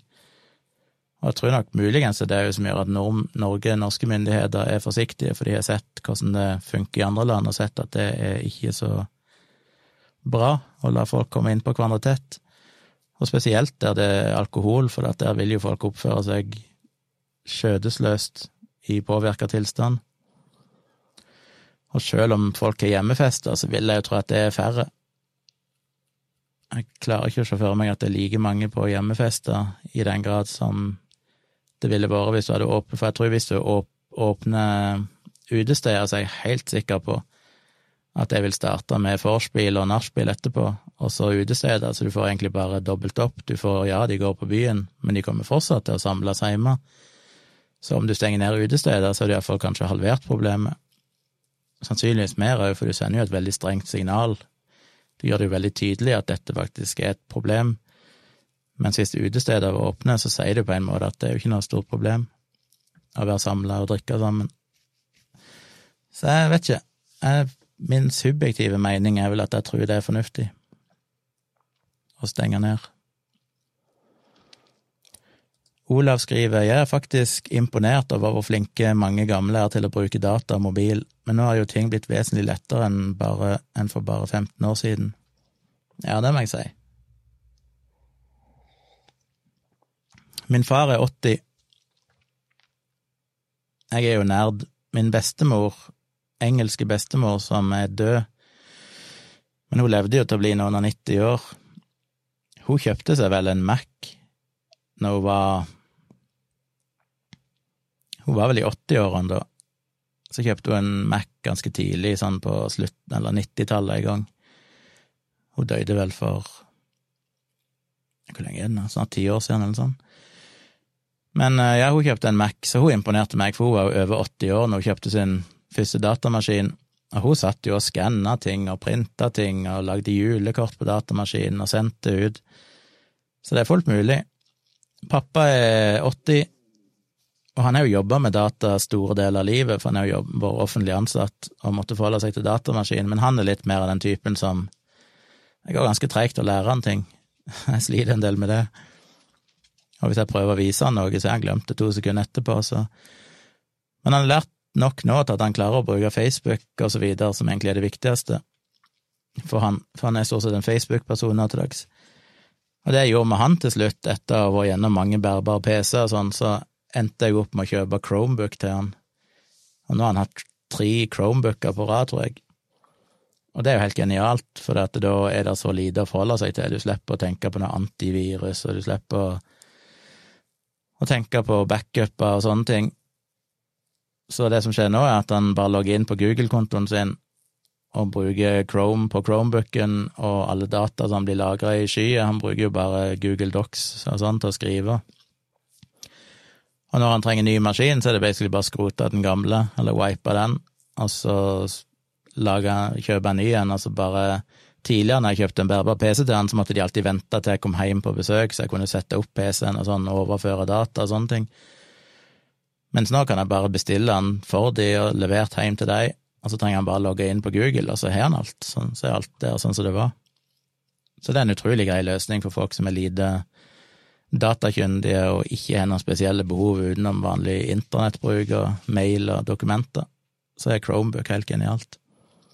Og de er billige òg. På mobilfronten så kjøpte jeg jo for noen år siden en sånn Doro-mobil til han. For jeg tenkte det var en sånn mobil laga for gamle folk som hadde bare ei linje i tekstdisplayet og fysiske knapper og sånn. Men den ble egentlig for komplisert. Eller han klarte å bruke den, men han var ikke noe intuitiv, og du måtte liksom bla i for å finne fram rett nummer, så måtte du drive og trykke piltaster og sånn, og bla gjennom en meny der du hadde lagra kontaktene dine og sånn. og så endte jeg opp med å kjøpe en iPhone 6, var det vel, det var vel den første modellen som kom i sånn stor versjon. Så jeg kjøpte en sånn maks-versjon av iPhone 6 til han, og så bare skrudde jeg opp skriftstørrelsen og sånn, så han har veldig stor skrift på skjermen, og har bare de appene han trenger. Og det funka som bare det. Det er jo mye lettere å bruke en iPhone, selv om den teknisk sett er ti millioner ganger mer avansert enn en Doro-telefon så iPhonen for han mye lettere å bruke enn en sånn Doro. Så ja, jeg er Og mamma òg, hun er jo 60, nei, 72. Og hun òg bruker jo data som bare det. Det er jo Og det er viktig, tror jeg, for jeg jobber jo med nettaviser, og vi har jo møtt vi har hatt, Jeg har hatt møter med mange lokalaviser rundt om i landet, og i starten, når vi begynte med dette, så var det jo veldig mye motstand mot å gå på nett, så veldig mye sånn konservativ tenking blant redaktørene i lokalaviser, at nei, de skal være på papir, og de ville ikke inn på noe nett, for det var liksom bare en dårlig versjon av papirutgaven, og det syns de ikke noe om. Og så er det jo selvfølgelig endra seg nå, det er jo noen år siden nå, så var vel basically omtrent alle på nett. Men det er ikke så lenge siden vi hadde møte med en lokalavis som var veldig usikker på om de ville ha nettavis, fordi de fleste abonnentene var gamle mennesker som abonnerte på lokalavisen. Og det, han trodde ikke de ville liksom klare det med nett. Og det var så frustrerende å høre på, for for det første, hvis de fleste abonnentene du har er gamle folk, så er det en dårlig businessstrategi, for da er det snakk om ti år, så er de døde, og så hvor har du da abonnentene dine? Så hvis liksom du skal holde, tviholde fast på papirutgaven, for det er det de gamle liker, så har du relativt dårlige kår. Og det andre er jo det at det er en ekstrem undervurdering av gamle. Jeg har ennå til gode å se at ikke gamle mennesker klarer å håndtere internett og nettleser. De er jo racere, mange av de. Det er fryktelig mange gamle folk som har null problemer med å lese nettaviser og sånn. Så jeg tror det er mange som undervurderer hvor eldre mennesker får det på datafronten.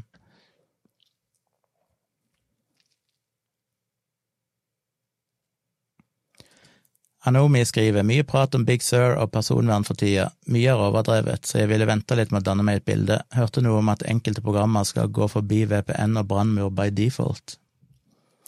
Rart jeg ikke har fått med meg dette, men jeg har ikke tydeligvis lest nok på nett i det siste. Jeg drev for mye med livestreaming og sånt.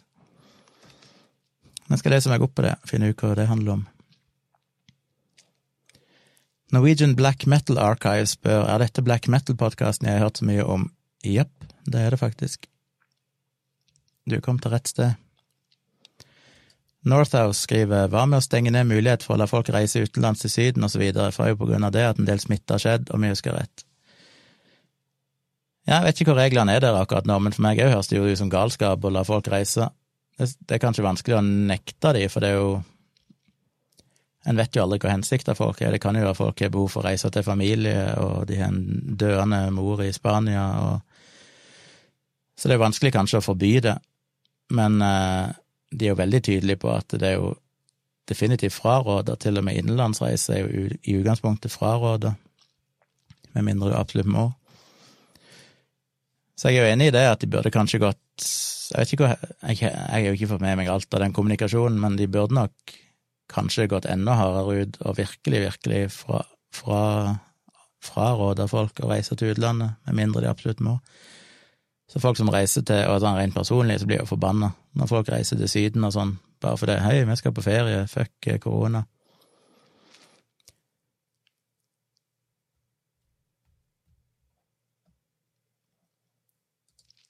Northhouse skriver Trump må jo ha gjort noe siden han har fått mer stemmer enn forrige gang, men han sier jo mye ting som ikke er bra, men vet vi egentlig hva han har gjort politisk, enn det media har spydd ut?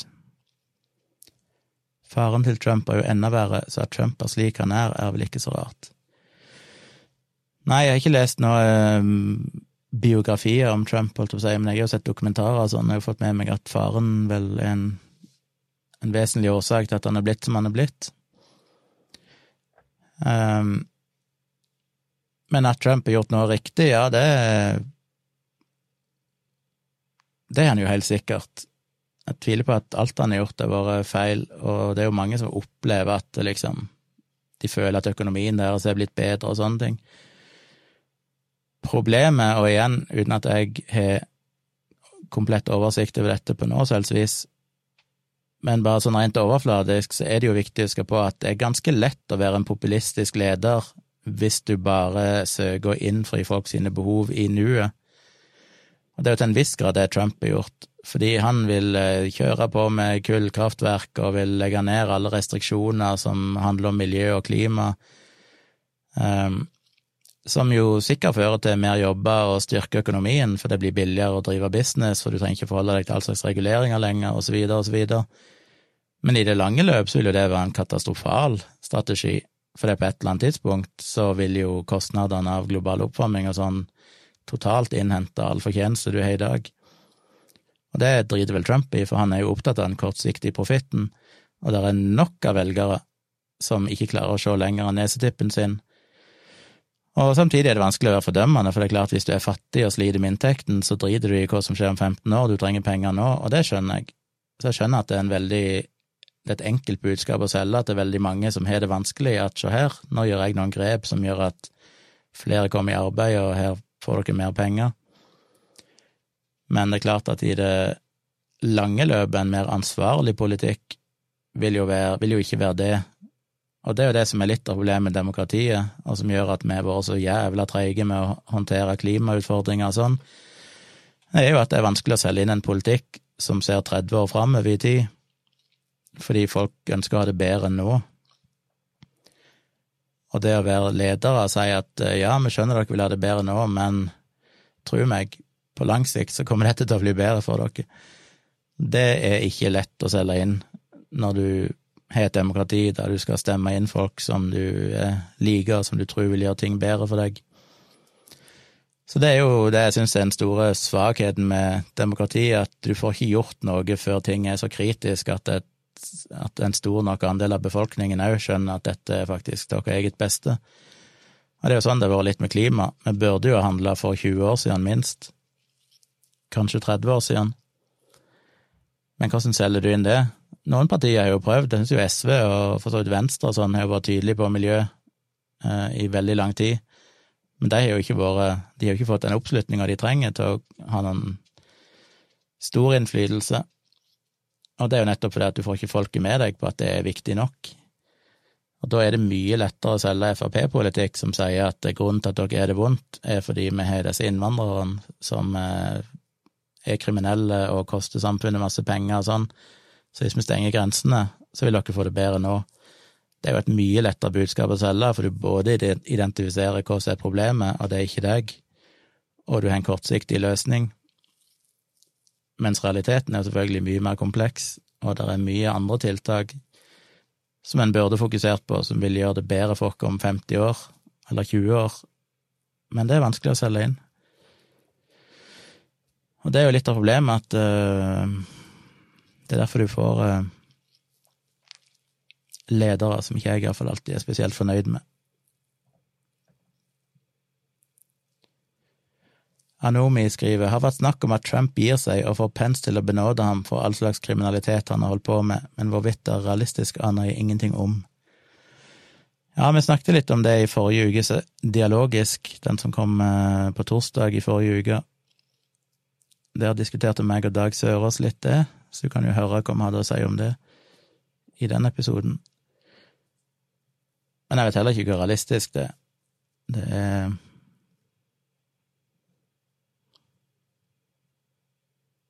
Jeg var, jeg, jeg var, ikke klar over at det var en mulighet engang, at du kan liksom benåde folk preemptive før de i det hele tatt er dømt for noen ting, eller i det hele tatt sikta. Så jeg trodde jo du måtte først vente til Trump gikk av, og så starte alle disse søksmålene som vil komme, som bare ligger og venter på han til han mister immuniteten. Og så kunne han eventuelt bli benåda av en neste president, som da vil være Biden, for eksempel. Men jeg har jo hørt at noen sier at du kan benåde folk før, så jeg vet ikke helt hvordan det fungerer. Dere får informere meg i kommentarfeltet her hvis dere vet. Øyve spør har du sett noe på Michaela Peterson, interessant hvor hennes, hvordan hennes diett, Lion Diet, har sterkt redusert hennes symptomer på både fysiske og psykiske problemer. Ja, jeg har sett bitte grann av henne, jeg har jo lest en del om det, og vi har jo òg snakka en del om det i Dialogisk, meg og Dag. Uh, jeg uh, har på ingen selvs måte noen tro på at den dietten hennes til syvende og sist er spesielt sunn. Det blir litt som Trump-politikk. Om det i så fall gjør endringer på hennes psykiske og fysiske helsetilstand, så vil jeg nok tro hun får svi på det i lengden. For det er det, all ernæringskunnskap tyder jo på at et sånt kosthold som det vil du få svi for i framtida. Så vet jeg òg at, eh, som jeg har skrevet mye om og sånn, og som er veldig vanskelig ofte å forholde seg til, men det er jo selvfølgelig en slags både en placeboeffekt og Hawthorne-effekten som egentlig sier at enhver endring du gjør, vil ha positive effekter, iallfall kortvarige. Og det gjelder spesielt med diett. Og det ser en jo med alle som endrer diett, omtrent. Det er jo så mange vitnesbyrd at nesten uansett hva du gjør, hvis du bare gjør en radikal endring, så vil du føle deg bedre. Og der er det jo veldig mye psykologi, og jeg skriver jo i placebo-defekten i boken min, så skriver jeg jo veldig mye om akkurat det, at det å, å gjøre grep i livet som reduserer frykt og stress, for eksempel, og gi deg en følelse av mestring, kan ha ganske enorme utslag, og spesielt på type, den type lidelser som hun har slitt med, som handler om immunsystem og allergier og autoimmune reaksjoner og sånne ting, de kan i ganske stor grad bli påvirka av placeboeffekt. Så jeg er jo ganske overbevist om at den dietten hennes i veldig stor grad handler om at hun Det kan være to ting. Det ene er at det kan være en placeboeffekt, eh, som nok er mye sannsynlig. Og det andre er jo det som handler om regresjon mot normalen. At enhver endring du gjør, hvis du prøver mange nok forskjellige ting, så vil til slutt et eller annet sammenfalle med en naturlig bedring. Og det er derfor du alltid har kontrollgruppe og randomiserte, placebo-kontrollerte studier, for du vet jo aldri, når du har bare ett datapunkt, som er Michaela Peterson, så vet du aldri hva som ville skjedd hvis hun hadde fortsatt med den dietten hun hadde. Det kan godt være hun hadde blitt bedre allikevel, fordi det skjedde andre endringer i livet hennes, eller hun vokste det av seg, eller whatever. Så det vet en jo aldri, så en kan aldri bruke ett datapunkt til å vurdere effekten av, av en sånn endring. Og hun har jo ikke bare prøvd én ting, det hadde vært mer overbevisende hvis hun aldri hadde gjort noe annet, og det gjelder jo alle. Alle som mener de får en bedring av alternativ behandling, har jo stort sett prøvd ti ting før det, og det kan ha tatt måneder og år. Og på et eller annet tidspunkt så opplever de at oi, nå ble jeg bedre, det må være det siste jeg prøvde som gjorde at jeg ble bedre. Men det er jo å se en falsk sammenheng. Eller en sannsynlig falsk sammenheng. Det kan jo selvfølgelig være et kausalt forhold, men veldig ofte så ser vi jo sammenhenger som ikke er der. Og hadde du bytta om rekkefølgen på de tingene du prøvde, så ville det fortsatt være en eller annen ting som sammenfaller, men det kan ha vært noe helt annet.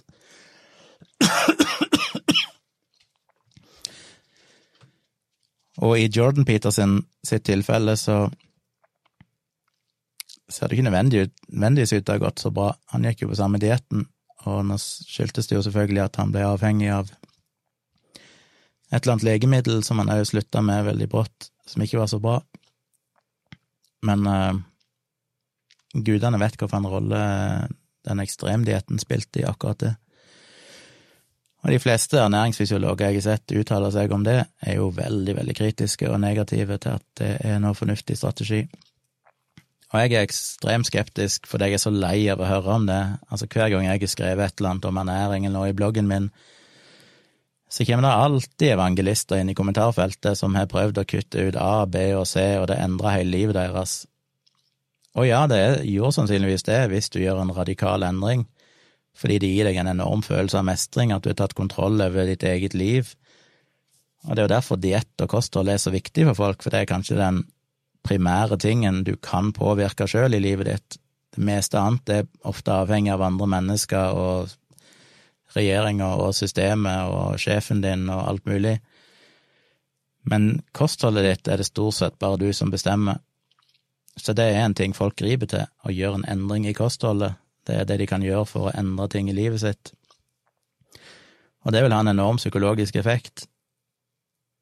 Så generelt sett så blir jeg veldig sjelden overbevist når folk kommer med at de har kuttet ut alt mulig rart. Og selvfølgelig er det folk som har allergier og intoleranser og sånn, og det vil jo ha en effekt på dem, men stort sett er det jo her snakk om eksempler der det ikke er sånn at jeg følte meg eller at det var noe som var spesifikt nødvendigvis knyttet opp mot en intoleranse eller noe sånt, men det er at de får helt andre helseeffekter som er ekstreme, som for meg høres veldig ut som som placeboeffekt eller eh, ja, alt som hører med det, er stressreduksjon og fjerne frykt og fjerne angst fordi du tar over mestringen av ditt eget liv.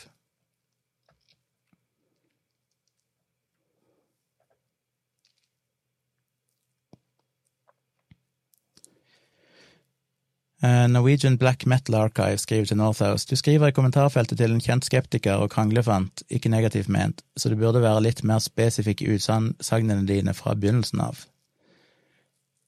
Ja, det er viktig å være presis, men jeg prøver å tolke det så godt jeg kan. Northhouse skriver det jeg mente var at folk som sier at covid ikke er farlig på grunn av at det dør flere av influensa hvert år i Norge, at det er et tynt argument. Ja, og det skrev jeg jo litt om i den siste bloggposten min òg, at folk har en tendens til å sammenligne to veldig forskjellige tall, fordi de har en tendens til å si at ja, men det dør jo, jeg mener, hva var det, var det i fjor eller forfjor, så døde det vel så mye som ja, det var iallfall ett år ganske nylig, det døde 1700 eller sånn i Norge av influensa. Men i snitt så regner de at det ligger på rundt 900, og så er det pluss minus. Noen år er det mindre, andre ganger er det en del mer, avhengig av hvilket virus som er i omløp og sånn. Eh, og så sammenligner de det med dødsfall for covid-19, og argumenterer i tillegg med at du kan bare telle noen få av de dødsfallene, fordi de snakker om dette med å dø med covid-19, eller av covid-19, som jeg mener er en eh, For det første er det en, eh, en nyansering som er helt ubetydelig, som jeg skriver i bloggposten min. Det er veldig få som dør om noen, som dør av meslinger. Det du dør av, er som regel at du får lungebetennelse eller hjernebetennelse som en komplikasjon av at du har fått meslinger men du vil allikevel ikke si at ikke folk dør av meslinger. Folk, det er jo fordi de fikk meslinger at de får de komplikasjonene som gjør at de dør av det. Selv om det teknisk sett kanskje var lungebetennelse de døde av, så ville de ikke ha dødd av den lungebetennelsen hvis ikke de hadde fått inn nei, meslinger. Eller som jeg skriver i et mer ekstremt eksempel, hvis noen er tungt deprimerte og skyter seg sjøl, så vil jeg jo si det er depresjonen som tok livet deres, ikke pistolen. Så det der argumentet med at ja, men folk dør med covid-19, du vet ikke egentlig om de døde med, av covid-19 fordi de ofte er veldig gamle eller har underliggende symptomer, det er teknisk sett korrekt, men du kan òg se på tall som jeg viser til i bloggposten, for eksempel fra England og Wales, der de har sett på det og sett at det dør veldig mange flere av covid-19 enn av influensa eh, i år, selvfølgelig. Og der hadde jeg jo sammenligna tall på de som døy av covid-19, og så er det et tall for de som døy med covid-19. Eh, og de som døy med covid-19, kan òg ha dødd av covid-19, men du kan ikke nødvendigvis endelig bekrefte det på en måte, fordi de har hatt andre tilstander òg. Og når du regner på de tallene der, så finner du at 92% av de døde av bekrefta covid-19.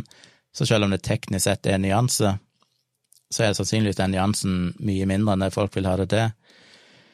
Og så er det noen som sier at ja, men CDC har jo gått ut og sagt at det er bare 6% av de døde som er døde av covid-19, men det er jo ikke det CDC skriver, hvis du går inn og leser hva de faktisk skriver. Det de skriver, er at 6% av de døde så var covid-19 oppgitt som eneste dødsårsak, mens i resten så har det vært andre komplikasjoner òg.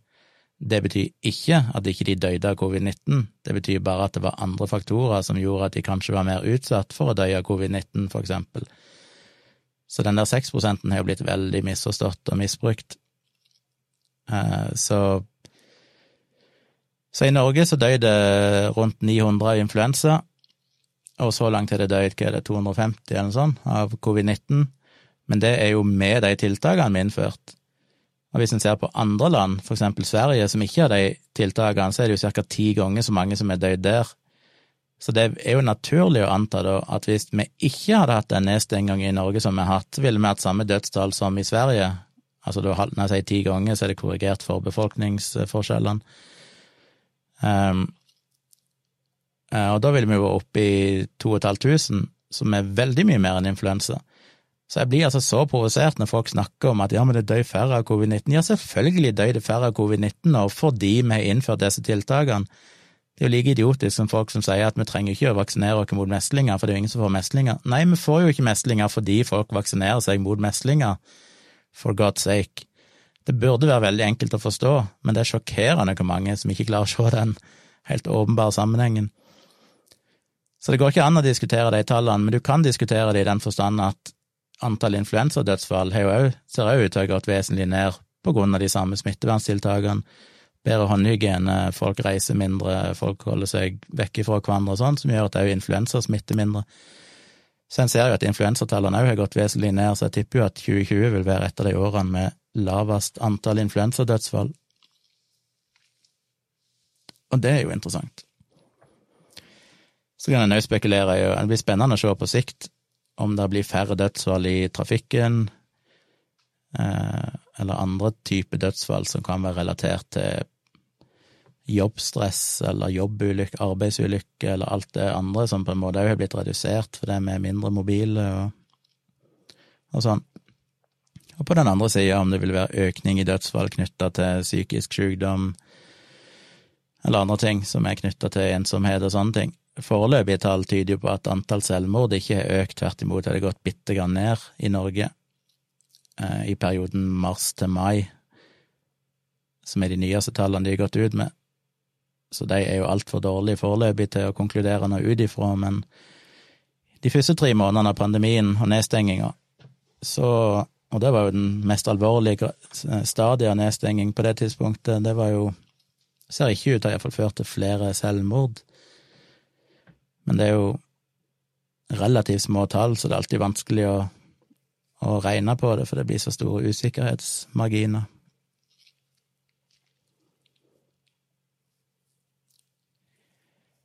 Eh, Johan skriver mulig du har svart på dette, men som komponist for film og TV så er dette en del av mitt interesseområde.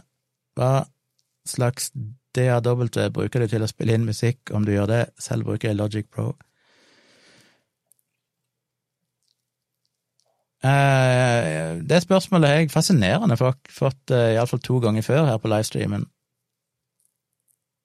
som er litt gøy, for det er et sånt spørsmål jeg egentlig aldri tenkte jeg skulle få, og så plutselig har jeg fått det tre ganger. Men nei, jeg lager ikke noe musikk lenger, så jeg kan egentlig ikke svare på det. Men tidligere så har jeg brukt mye forskjellig, som jeg har sagt en del ganger nå. Alt ifra det første programmet som heter Ballade, som var et veldig enkelt medieprogram, til Musicator, til til ja, Hva var det jeg brukte imellom? Jeg husker aldri helt. Men jeg har brukt Logic Pro, jeg har brukt Cubase og forskjellig. Men det er fryktelig lenge siden. Det er vel omtrent 15 år siden sist jeg lagde noe musikk på datamaskinen snart, så jeg er ikke helt oppdatert, for å si det mildt.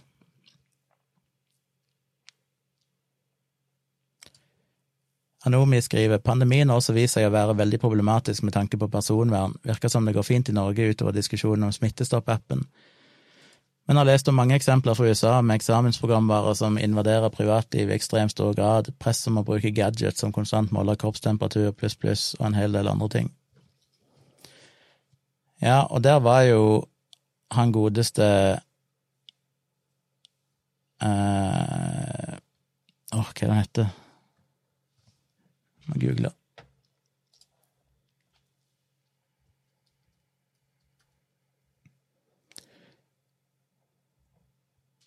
Han eh, godeste eh, Yuval Noah Harari, han skrev jo en kronikk i uh, ja, var det New York Times, eller var det Guardian, eller et eller annet sånt som jeg husker jeg refererte til i Dialogisk, som han skrev veldig tidlig i pandemien, tilbake i mars eller april, eller sånn, hvis jeg ikke husker feil, der han nettopp så for seg det, og skrev liksom en sånn advarsel om hvor lett det er å misbruke personvernet i en krisesituasjon.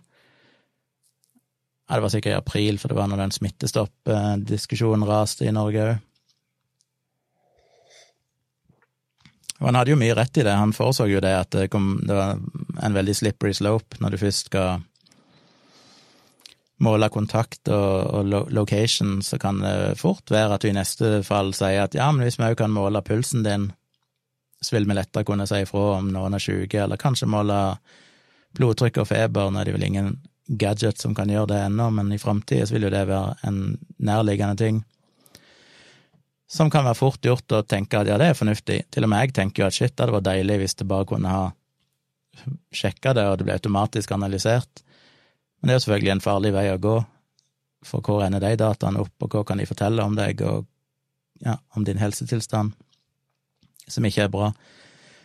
Og jeg leste vel i går en artikkel der det var et, en ny analyse som hadde kommet ut, de hadde tatt for seg flere hundre apper og programvare, jeg tror det var bare i USA, og der de fant en sånn sjokkerende høy andel, jeg husker ikke tallene i hodet nå, men det var noe sånn 44% av alle programmene krevde, eller ba om å få din aktivere GPS, 39 eller sånn ba om å få tilgang til kamera, og det var apper som overhodet ikke hadde noen ting med trengte de tjenestene, og dette var kun apper altså, som var knytta opp mot pandemien, som enten var sånn eh, smittesporing eller forskjellige typer verktøy som firmaer sånn brukte. Eh, for å kunne jobbe remote og alt mulig sånn. Så de òg sa jo det at det var sjokkerende hvor friheter de prøver å ta seg, og som sikkert mange godkjenner, for de bare tenker at ja, ja, hvis appen spør om det, så trenger den sikkert det. Så det er farlig. Det er viktig å være på jakt. Og det var jo det jeg konkluderte òg med den analysen, at det er jo derfor de fant jo ingenting av det i de som brukte Google og Apple sitt API, smittesporings-API, for de nekter jo folk. Hvis du bruker det API, så får du ikke lov å be om tilgang til andre ting.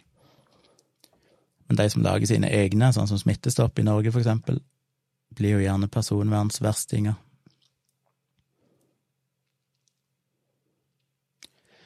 Sin Tao skriver, refererer til episoden fra Folkeopplysningen om konspirasjonsteorier. Hva tenker du er grunner til at folk lar tankene forvrenges og nekter å se ting slik de faktisk er?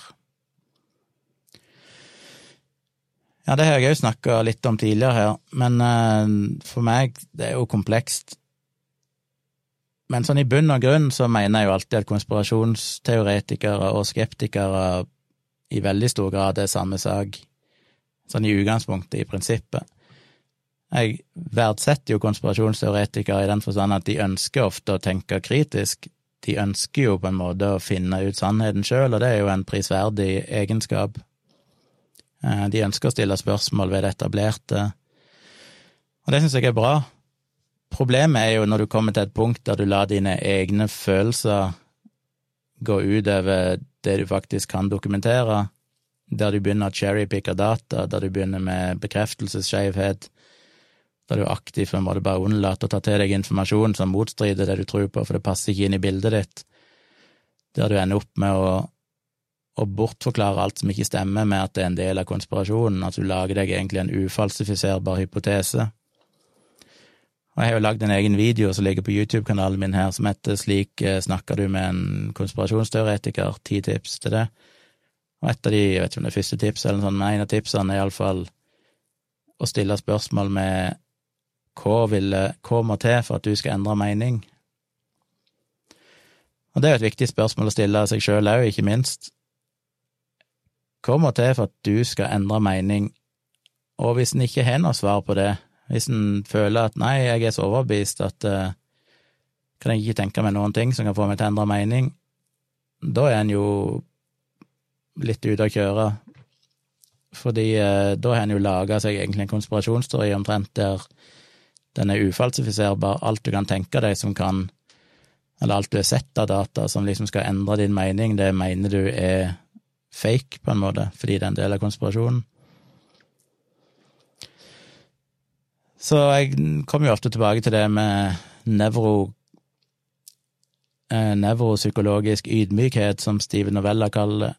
Det må være eh, ekstremt selvkritisk og ydmyk for at du sannsynligvis ikke kjenner hele sannheten, og hvis ikke du kan dokumentere dine påstander i det som som regel er vitenskapelig konsensus, eller det er iallfall fagmiljøene stort sett er enige om, så bør du være forsiktig og være veldig kritisk til det du mener. Og det har jo jeg prøvd å gjøre i bloggen min, selv om jeg har skrevet fryktelig mye, og mange er forbanna på det fordi de sier 'Å, tror du du kjenner sannheten?' Så er jo poenget mitt at jeg har vel aldri skrevet noe eh, Når det gjelder politisk og sånn, så kan jeg jo selvfølgelig ha meninger som ikke alle er enig i, for det blir jo til dels synsing, for du har ikke noe fasitsvar på det. Men når det gjelder ting som handler om helse, for eksempel, eller medisin og sånne ting, så kommer ikke jeg med en oppsiktsvekkende påstand som er helt i strid med det andre mener. Hvis jeg hadde følt det var sant, så hadde jeg ikke skrevet det, for jeg føler meg ikke trygg på å komme med et eller annet som er i strid med, med det samla fagmiljøet internasjonalt måtte menes, hvis det var i strid med det jeg mente. Så det handler jo om å være ydmyk for at uh, sannsynligvis så finnes det veldig mange som kan dette mye bedre enn deg, og hvis det er en slags konsensus, konsensus i de miljøene om at du tar feil, så tar du sannsynligvis feil med mindre du er et eller annet unikt geni som Hvis du er liksom Einstein, som klarer å føre til et paradigmeskifte innenfor fysikken, for eksempel, og det er du jo mest sannsynlig ikke.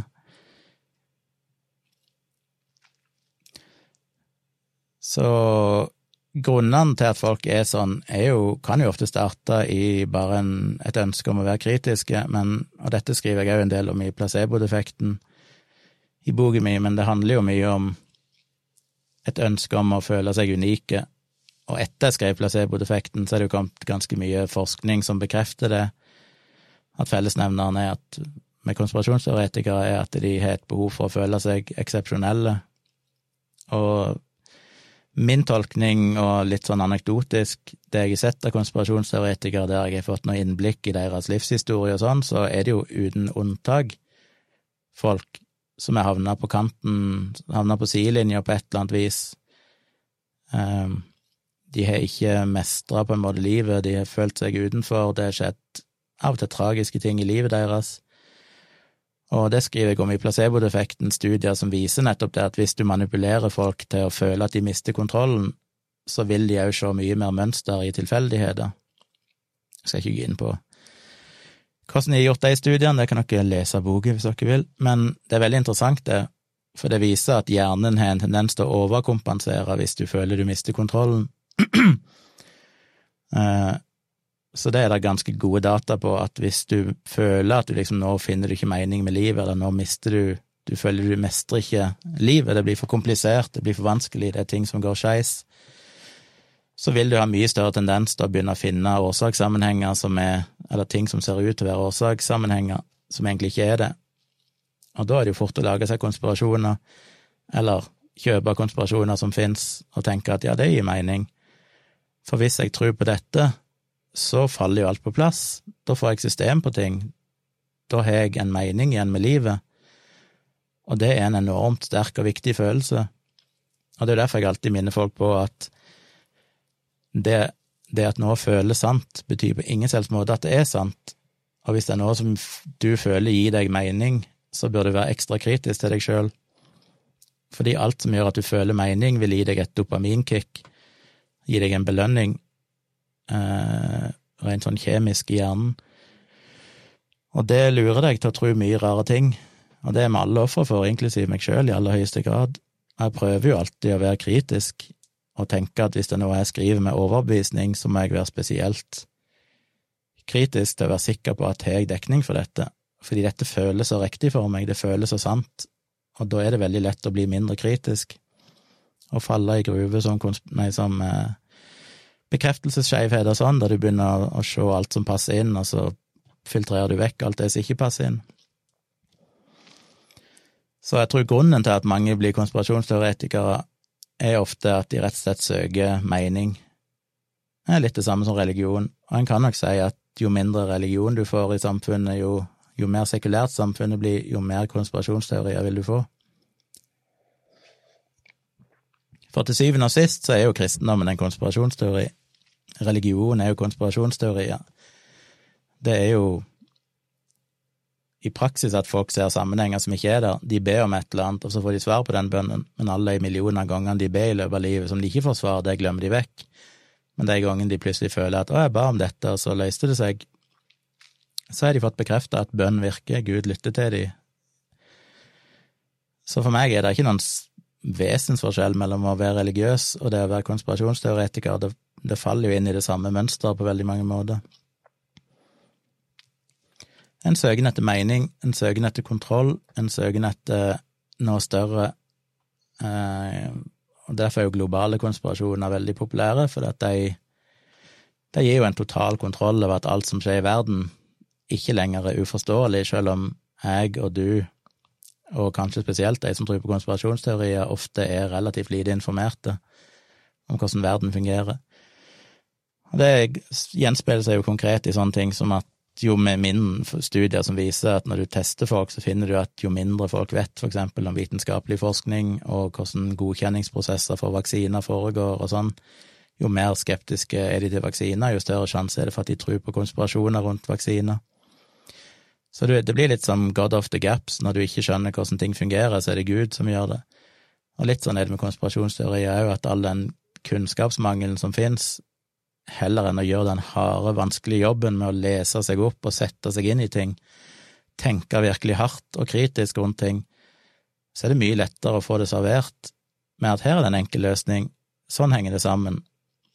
Og det er jo litt som jeg sa i stad med Trump og populistisk politikk, de der enkle løsningene er veldig tiltalende for folk som kanskje er det vanskelig i livet ellers og egentlig ikke orker eller har lyst eller har ressurser til å finne ut ting sjøl. Så det er mitt svar på det, Sintau.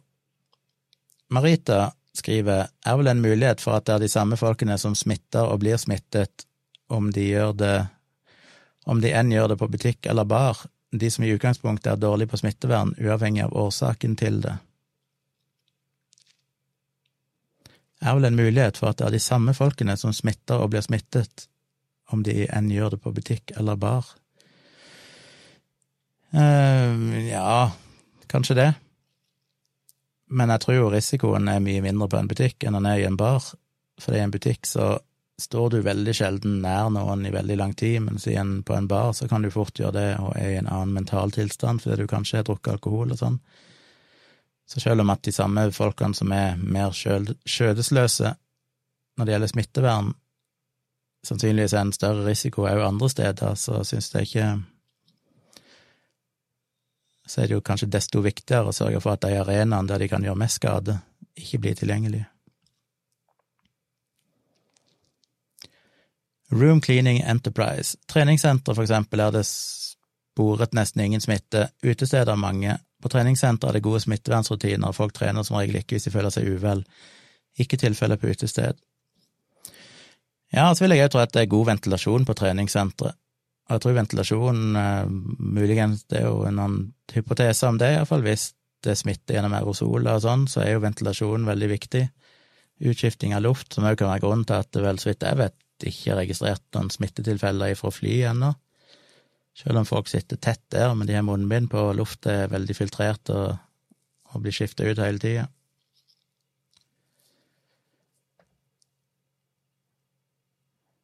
Sintau refererer til episoden fra Folkeopplysningen om Ja, det var den kom på nytt, den, ja. Anomi skriver syns det var en spesiell forskrift at studenter som kan bo hos familie, skal, skal, skulle bruke cash på hotell bare fordi de ikke er folkeregistrert hos foreldrene. Usikker på om den regelen ble endra på endra nå. Jeg vet ikke, jeg fikk med meg et eller annet om det, men jeg satte meg ikke helt inn i det. Jeg bare så det var noe misnøye om at Forståelig nok om at folk måtte betale 500 kroner notte, som fort ble 5000 kroner hvis du skulle ha ti dager i karantene, for eksempel. Jeg vet ikke, jeg har ikke satt meg inn i det nok. Hallaien Henoik, velkommen. Uh, Arnesen skriver tror ikke vi kan si at det bare er innbilning som gjør at enkelte føler seg bra på streng eliminasjonsdiett à la Peterson. Feilslutningen er at det dermed er noe folk flest bør følge. Studier fra andre land viser for øvrig en sterk sammenheng mellom å følge kjøttdietter, politisk slagside. Det er like mye et opprør mot establishment og feminisme. Ja, fascinerende nok.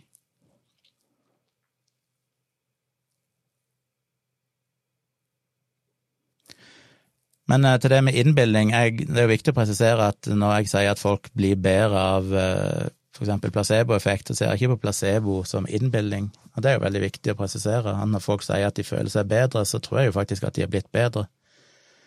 Jeg bare tror ikke at det, det skyldes den årsaken de tror de gjør.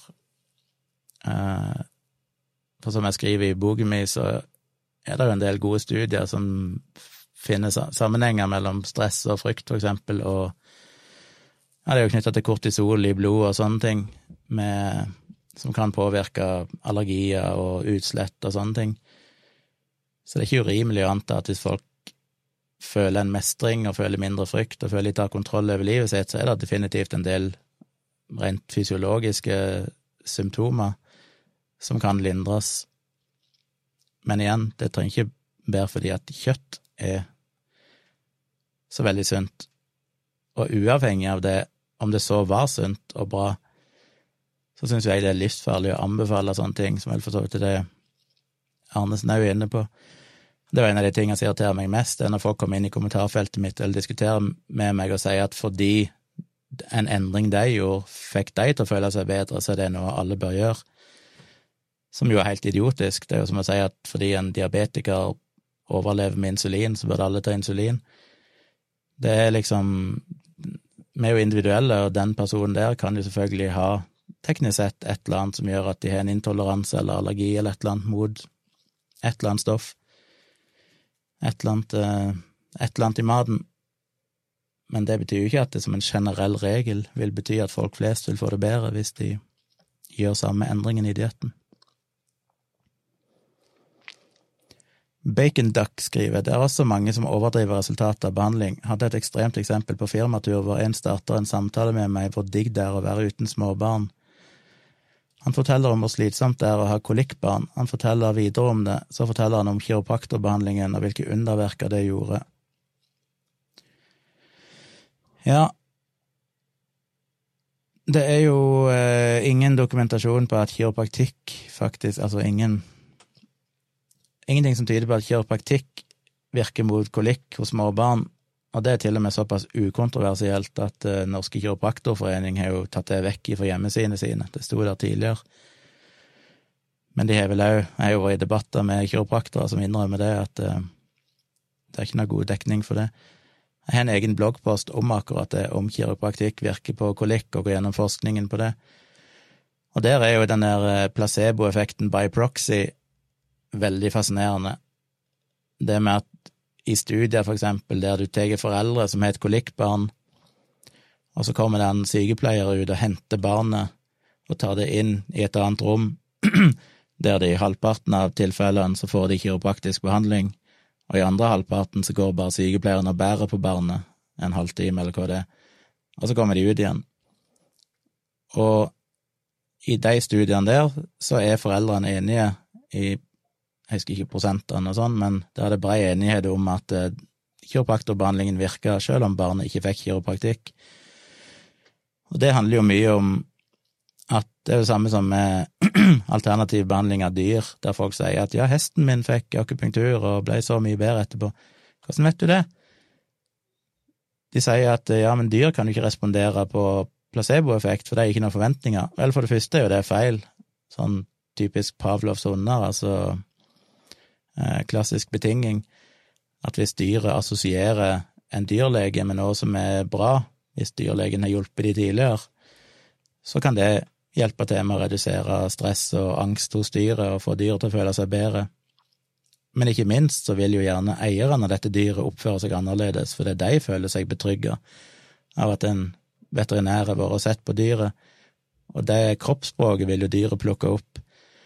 Og hvem er det som sier at dyret er blitt bedre? Dyret kan ikke fortelle det sjøl, så det vil alltid være en tolkning gjort av eierne til dyret, og hvis de har tro på akupunktur, så vil de ofte oppleve at dyret har blitt bedre, selv om det kanskje teknisk sett ikke er noen forskjell. Eh, og det vil jo gjelde med babyer òg.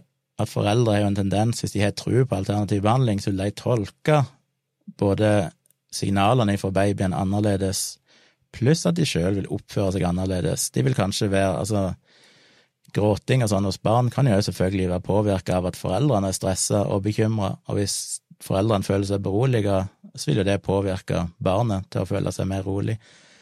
Så det er fascinerende, det alle sånne effektene spiller jo inn. Men eh, ja, kiropraktikk bør for det første ikke utføres for barn, men i tillegg så virker det ikke. I Danmark så gikk vel legene ut og fraråda alle foreldre å sende barn til kiropraktisk behandling under en viss alder. Jeg vet ikke om det var under 18, eller om det var lavere enn det, men, men ja. Henoik skriver til Arnesen kvalitativ versus kvantitativ forskning. Folk som bruker den eliminasjonsprosessen, trekker deduktive kontra induktive slutninger, og det vil ikke gi en absolutt konklusjon. Nei, og jeg skriver jo det om det i placeboeffekten, det jo at jeg òg trodde jeg var laktoseintolerant, og prøvde meg på en sånn personlig eliminasjonsprosess, og følte helt åpenbart at det virka. Jeg var jo helt overbevist om at eh, når jeg unngikk melk, så hadde jeg ikke de symptomene.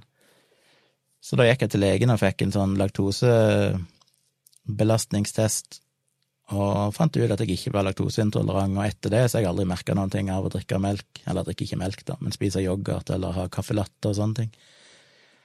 Så det var en kombinasjon av at jeg lurte meg sjøl gjennom en eller annen form for bekreftelsesskjevhet, og kanskje en nocebo-effekt, at jeg innbilte meg sjøl at det var laktose som gjorde det, og derfor fikk jeg òg en fysisk reaksjon på å innta laktose, fordi at fryktresponsen påvirka tarmsystemet mitt og gjorde at jeg ble dårlig i magen, for eksempel. Så det er håpløst når folk skal Til en viss grad må du jo det, kanskje. Hvis du har en eller annen eh, mener at du er intoleranse, så må du på en eller annen måte finne ut av det, men det er jo en forferdelig vanskelig måte å gjøre det på, fordi eh, det er så mange psykologiske effekter som spiller inn. Og naturlige svingninger i symptomer.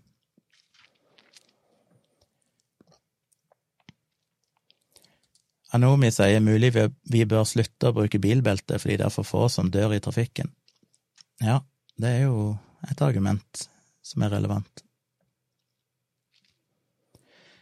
Northhouse skriver Dag Sørås pratet vel også om personvern angående den smitteappen i sin podkast for en stund siden. Ja, han var jo opptatt av det. Jeg lagde jo en serie på seks YouTube-videoer akkurat når den Smittestopp, eller dagen etter eller sånn Smittestopp-appen ble lansert tilbake i april og kom med en del eh, spådommer, holdt jeg på å si, eller problematiserte en del ting, og det viser seg jo tre måneder seinere at jeg vel stort sett fikk rett på de fleste tingene, som jo endte opp med at Smittestopp-appen ble trukket fra markedet etter at data, Datatilsynet påla det. Jeg var jo med og signerte den der eh, oppropet, ble spurt om jeg ville signere sammen med en del andre sånn IT-eksperter og personvernsfolk så signerte vi jo sånn opprop som ble publisert på internett, der vi tok for oss hva som var problematisk med Smittestopp-appen. Glendronach Glendronach Ronach Er det en uh, skott... Nei, en uh, skotsk whisky, eller noe sånt? Hva er greia med Jakkesson? Ja, det er et godt spørsmål. Hva er egentlig greia med Jakkesson? Du får google. Sjekk ut videoen min og Wasim sin video og andre ting. Anomi skriver likte forresten videoserien du hadde om smittestopp. Ikke stor fan av å bruke Bluetooth konstant i andre apper, men hvis det bare er det, føler jeg kostnad-nytte faller mer i retning av å bruke appen. Smittestopp var skummel. Ja, den var det, og ettertid har jo vist at vi på ingen som helst måte trengte Altså, argumentet var jo ofte at ja, men det er en kritisk situasjon, og da må vi tillate å ofre litt personvern. Men det var jo ingenting på det, det tidspunktet heller som tilsa at ikke vi kunne håndtere pandemien helt uten en smittestopp-app. Og det er jo vist seg å stemme. Det er jo Og det som er så tragisk, er jo at hvis virkelig Smittestopp-appen hadde vært viktig, og jeg skulle ønske vi hadde en Smittestopp-app som fungerte og tok hensyn til personvern, og det kommer vel nå om ikke så lenge, en versjon to, men hadde ikke de fucka opp fra starten, Folkehelseinstituttet og Simula, og lytta til det de fleste sikkerhetseksperter, IT-eksperter, sa allerede fra starten, så hadde vi jo hatt en fungerende smittestopp-app nå. Men nei da, de skulle kjøre sitt eget løp, og hadde en temmelig arrogant holdning som Simula fortsatt til, der de ennå ikke egentlig vil anerkjenne feilene som ble gjort.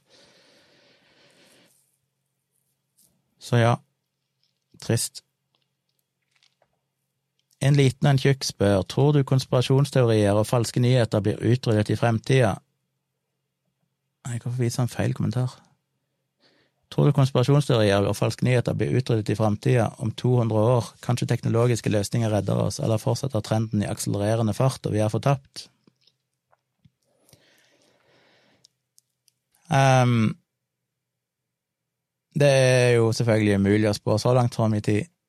Jeg, eh, I et kortere tidsperspektiv så ser vi ganske mørkt på det, tror jeg.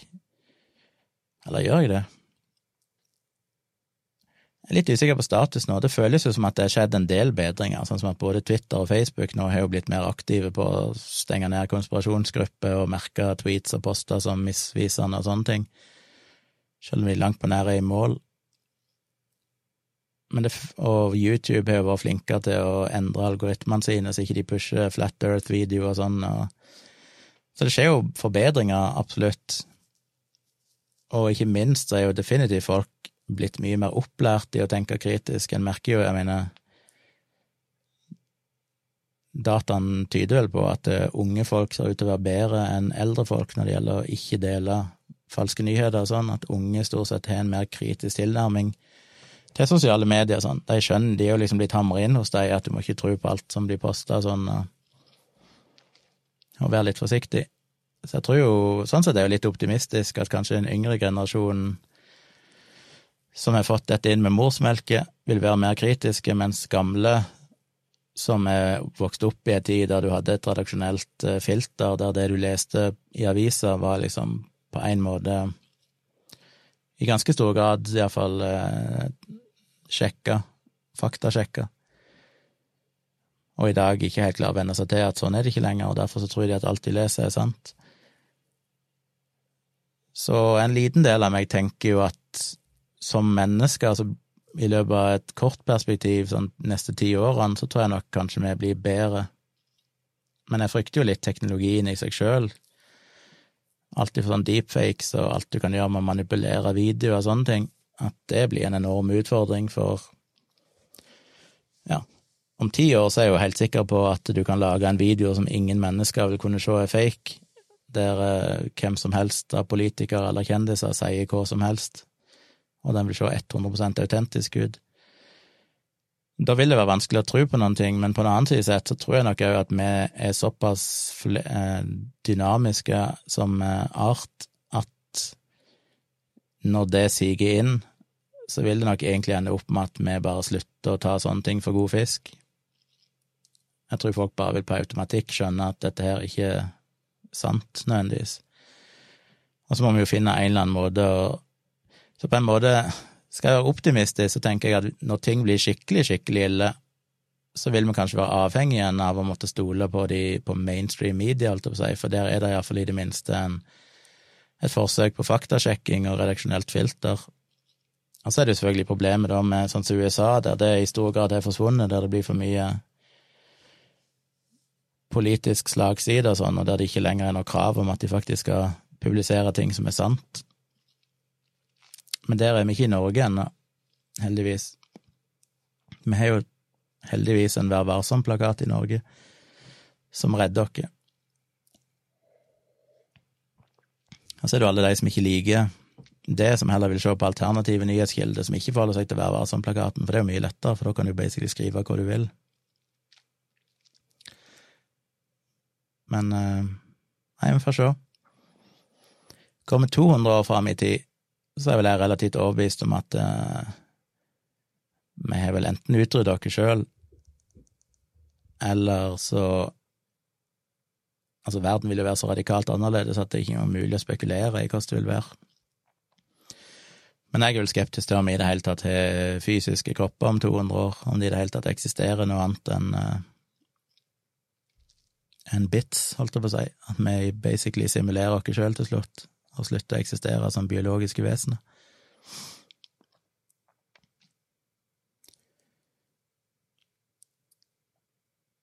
Glenn Ronash skriver liker Harris' intellectual honesty. Ok. Greger Stram, hva er din mest kontroversielle mening? Den er nokså kontroversiell at jeg tør ikke å, å si den på livestream, tror jeg. Room Cleaning Enterprise skriver takk for mange fine svar, Gunnar. Hørt om Great Barrington Declaration. Flere og flere helseautoriteter er bekymret for at skaden på samfunnet vil være større hvis man fortsetter tiltakene. Jeg har hørt om den, og eh, diskuterte den litt. Jeg er ikke veldig overbevist, og de folkene jeg ofte stoler mye på som har faglig kompetanse, ser i stor grad ut til å være veldig kritiske. Den eh, Så vidt jeg har skjønt, så er jo, hvis du koker alt ned til Den har jo selvfølgelig viktige poenger, i den forstand at den peker jo på mange av problemene som oppstår med de tiltakene vi har og at det for eksempel òg vil ramme kanskje fattige samfunn og sånn mye hardere enn det rammer oss, og det har vi jo sett i, i den tredje verden, der det er en enorm økning i sult, for eksempel, som i stor grad skyldes de tiltakene som er innført. Og det er jo ganske tragisk, for i de landene, ikke alle da, India og sånn er jo ganske ille med covid-19 eller koronasmitte, men eh, en del afrikanske land ser det ut til å ha gått veldig bra med, av en eller annen grunn. Men samtidig så er det allikevel veldig strenge tiltak, og i de landene så tror jeg nok du kan argumentere med at tiltakene er verre, at der er liksom kuren verre enn eh, sykdommen, med forbehold om at jeg ikke kjenner alle detaljer. Men jeg har en bekjent i Kenya, og han har jo sendt meg mail jevnlig og forteller om at han mista vel jobben, han jobber som sånn eh, bakkepersonell på flyplass i Mombasa og han mista vel jobben for mange måneder siden og har vært arbeidsledig nå i evigheter, og der får de jo ikke noe støtte fra staten, sånn som vi er så heldige å gjøre i Norge. Så jeg driver og sender penger til han og sånn for å prøve at han skal ha mat til seg og sin datter. Og der er det jo ganske kritisk, for han snakker jo og forteller jo litt om hvordan folk Der har de jo innført for eksempel portforbud i perioder, og det høres jo veldig bra ut, bortsett fra at folk faktisk må ha mat. Så der går jo folk ut og bryter portforbudet fordi de er nødt til å skaffe seg penger og mat, og så kommer politiet og banker de opp fordi de har brutt portforbudet, som er en helt forferdelig situasjon å være i. Det er folk som sulter, men de blir banket opp av politiet fordi at de er desperate. Og jeg har jo ingen tro på at i deres tilfelle så vil det være bedre for de å ha portforbud, når det, så vidt jeg vet, relativt liten smitte i de landene. Så det er litt tragisk, syns jeg. Men eh, her i Vesten så mener jeg jo at det er en helt annen situasjon. Men det er jo enkelte sånne ting jeg tror den Great Barrington Declaration peker på, som en selvfølgelig kan være sympatisk for.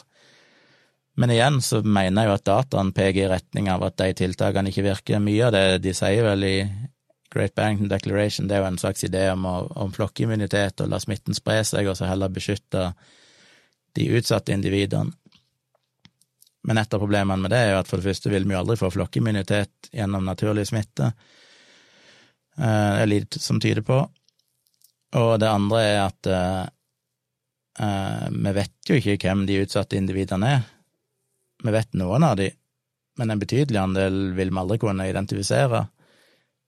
Og det er veldig vanskelig å skjerme folk som er utsatt. Det ser vi jo i Sverige, der er jo folk vel døyd som flue på sykehjem og eldrehjem og sånn. Selv om en teknisk sett skulle beskytte de, så hvordan gjør du det uten å isolere folk helt? Det vil alltid være en viss form for trafikk mellom det åpne samfunnet og de lukka delene. Så jeg tror det høres bedre ut på papiret enn det er i praksis. Det høres jo veldig fint ut at eh, de fleste har ikke noen risiko for covid-19, og det er jo sant. Men noen har det, og vi vet ikke hvem det er. Så den ideen om at hvis vi bare beskytter de mest utsatte, så kan resten av samfunnet åpne opp, og vi vil stort sett ende opp med like mange eller få dødsfall, tror jeg kanskje ikke funker i praksis, og jeg Og det er jo kommet et mot, eh, inn en motdeklarasjon som jeg ikke husker navnet på, det er navnet på en eller annen person, eh, som ble publisert, sert, publisert i uh, The Lancet, tror jeg, og er lagt ut på egen nettside. Der er jo tusenvis av fagpersoner har signert den. som systematisk går gjennom The Great Barrington Declaration og på en måte argumenterer mot hvorfor det ikke er en god idé. Men igjen, vi kjenner ikke fasiten, men, og dette er jo helt subjektivt ut ifra det jeg har fått med meg av informasjon, men jeg er foreløpig overbevist om at jeg har lest, peker i retning av at den strategien vi har valgt i Norge, ser ut til å være den beste. Selv om han er vanskelig i kort sikt, så tror jeg nok på lang sikt at han vil lønne seg. Men det kan godt være at jeg er feil, og det finner vi ikke ut før om ei stund, så får dere bruke det mot meg den dagen det svaret foreligger. Baconduck skriver den siste meldingen som ikke kom med ja, om kiropraktikk, påpekte hvor ironisk det var at han glemte at han startet med å fortelle hvor deilig det var å være borte fra barnet.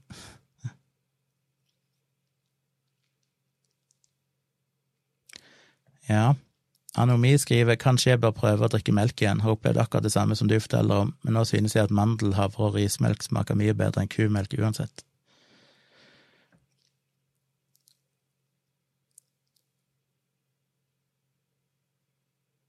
Um, Glenn Ronash skriver Har du forresten vært borti Ben Goldeckers Bad Science? Anbefales. Ja da, den har jeg lest for mange, mange år siden. Og den anbefales selvfølgelig. Henoik skriver jeg har kompiser som kritiserer meg for å stole mer på Google enn staten hva gjelder personvern.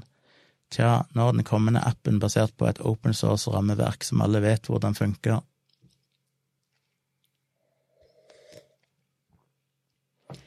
Ja, personlig så vil jeg eh, ikke stolt så veldig på Google, men dette handler jo mer prinsipielt om at jeg forventer mer av staten enn det jeg forventer av et kommersielt selskap. Og eh, selv om eh, Det kan være vanskelig å argumentere for, men jeg vil vel si at de dataene som Smittestopp-appen satt på, der de hadde mulighet for å koble sammen lokasjonsdata med personnummer, selv om det var lagra i separate systemer, så var det vanskelig, og så er det mer inngripende, for de dataene igjen kunne kobles mot helseregister. Det er klart det er veldig mye hvis og om og men, for du skal gjennom en del forskjellige systemer for å kunne koble sammen alle de dataene. Men eh, teknisk sett så lå de der, og jeg vil jo si at jeg nok generelt sett stoler mer på Google og Apple og de store aktørene når det gjelder datasikkerhet, enn det jeg nødvendigvis stoler på et lite norsk firma, holdt jeg på å si, som plutselig på kort tid skal koke sammen en, en løsning som er lagra i skyen, som riktignok var drifta av Microsoft, men det er jo ikke noe garanti så lenge det er en, en app som er laga av noen andre, så vil det jo kunne finnes sikkerhetshullet der. Så teknisk sett så stoler jeg vel òg egentlig mer på Google når det gjelder datalagring og sikkerhet, enn det jeg gjør på staten. For det er staten ikke noen ekspert på det nødvendigvis, det er ikke deres kompetanseområde, og det er ikke på noen som vis deres store interesseområde å ha den sikkerheten på plass. Det er det jo derimot for Google og Apple, som vil ha, ville kunne ha enormt katastrofale konsekvenser for deres business hvis de plutselig lekker masse data. Så jeg syns ikke det er nødvendigvis urimelig i en sånn tilfelle. På den annen side så kan en jo si at Google selvfølgelig zoomer inn masse data hele tida, og hvis det er det de mener, at eh, du bryr deg ikke om at Google samler inn data, men du bryr deg om at staten gjør det, så handler det jo igjen mer om eh, prinsippene. Fordi én, som sagt, jeg forventer mer av staten enn det jeg gjør av Google, og to, det er fullstendig mulig å lage en smittestopp-app uten å samle inn alle de dataene. Og derfor er den helt unødvendig og hos Google så kan du tross alt gå inn og, og eh, skru av det meste av sporing hvis du aktivt gidder det, på bekostning av at alle appene vil virke mye dårligere. Og du kan gå inn og slette dataene, og du kan nå sette opp at de skal bli sletta automatisk etter en viss tidsperiode og sånne ting. Så de har iallfall verktøyene på plass hvis du gidder å benytte deg av dem.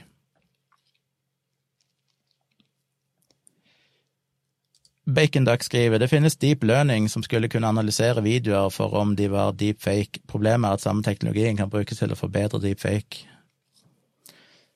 Ja, det er jo det evige problemet med å bruke liksom AI. Det er jo at AI blir bare en sånn uh, weapons race der du utkonkurrerer hverandre med bedre AI på andre sida igjen, altså. Vanskelig. Sintau spør hva tenker du var grunnen til at Jordan Peterson ble så populær, og du hørt noe på Eric Weinstein sin podkast og han tanker rundt for eksempel valget og Epstein? Til det siste er svaret nei, jeg har ikke hørt noe på Eric Weinstein sin podkast. Uh, grunnen til at Jordan Peterson ble så populær det, det var nok et heldig sammentreff av flere faktorer.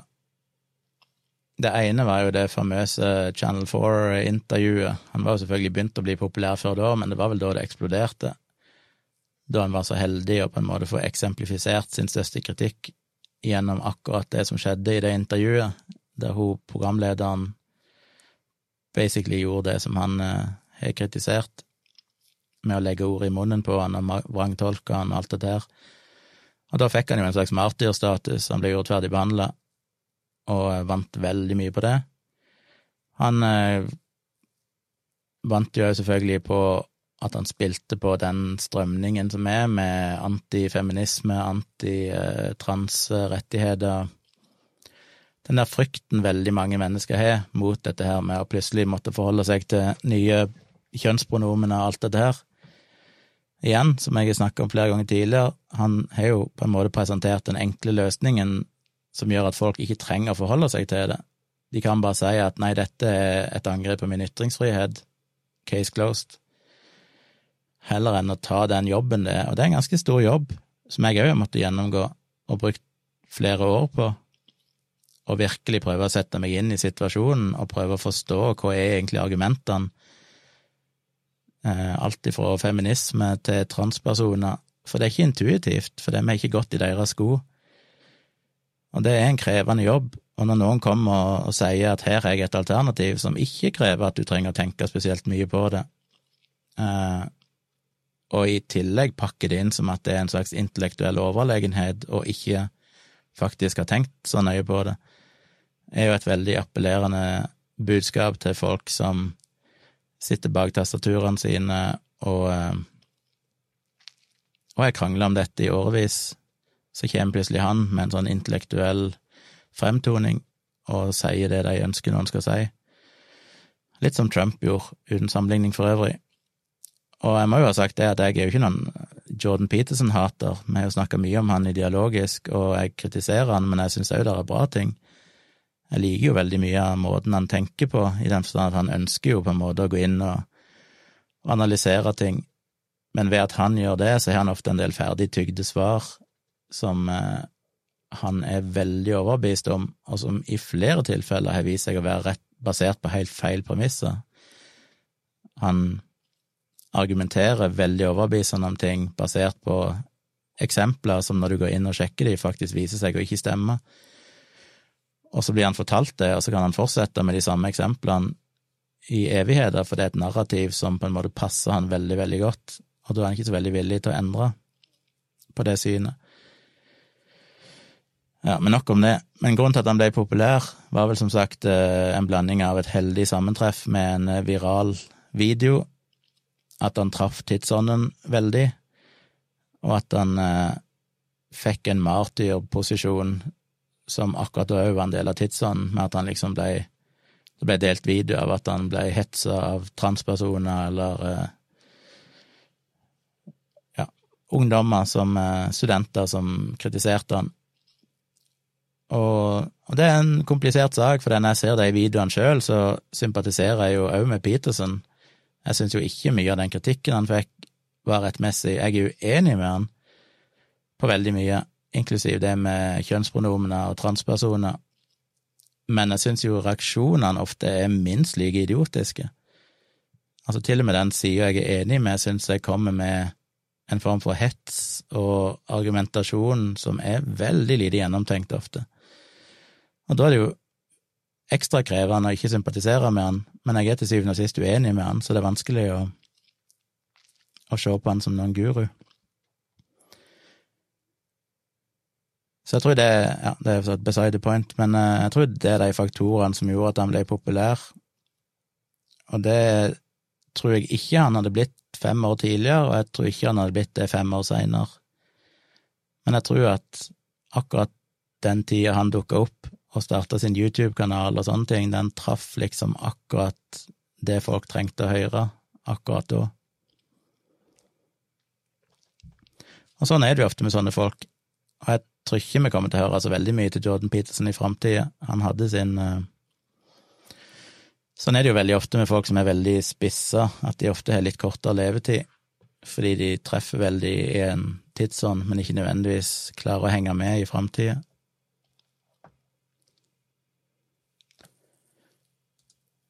Sintau skriver ja, og forresten, hva tenker du rundt Epstein? Nei, igjen så må jeg jo henvise til dialogisk. Da har vi jo snakka mye om det. Hvis ikke dere hører dialogisk, så må dere jo gjøre det, tydeligvis, for der snakker vi jo om veldig mye av dette som dere spør om. Um, hva jeg tenker om Epstein? Jeg eh, hadde en rant om det inne på min, denne podkasten her, Tomprat, før jeg begynte å livestreame. Så i en tidligere episode, når jeg så den dokumentaren om Epstein, så hadde jeg en rant i podkasten, og den gikk jo mye på som òg handler mye om dette med at jeg nesten blir kommunist når jeg ser sånne ting. For jeg blir så provosert av at folk At det skal være lov for enkeltpersoner å akkumulere så mye penger, og at det er en trussel mot demokratiet, fordi at det akkumulerer altfor mye makt i én person, som er mye av grunnen til at han slapp unna med det han drev med i så lang tid.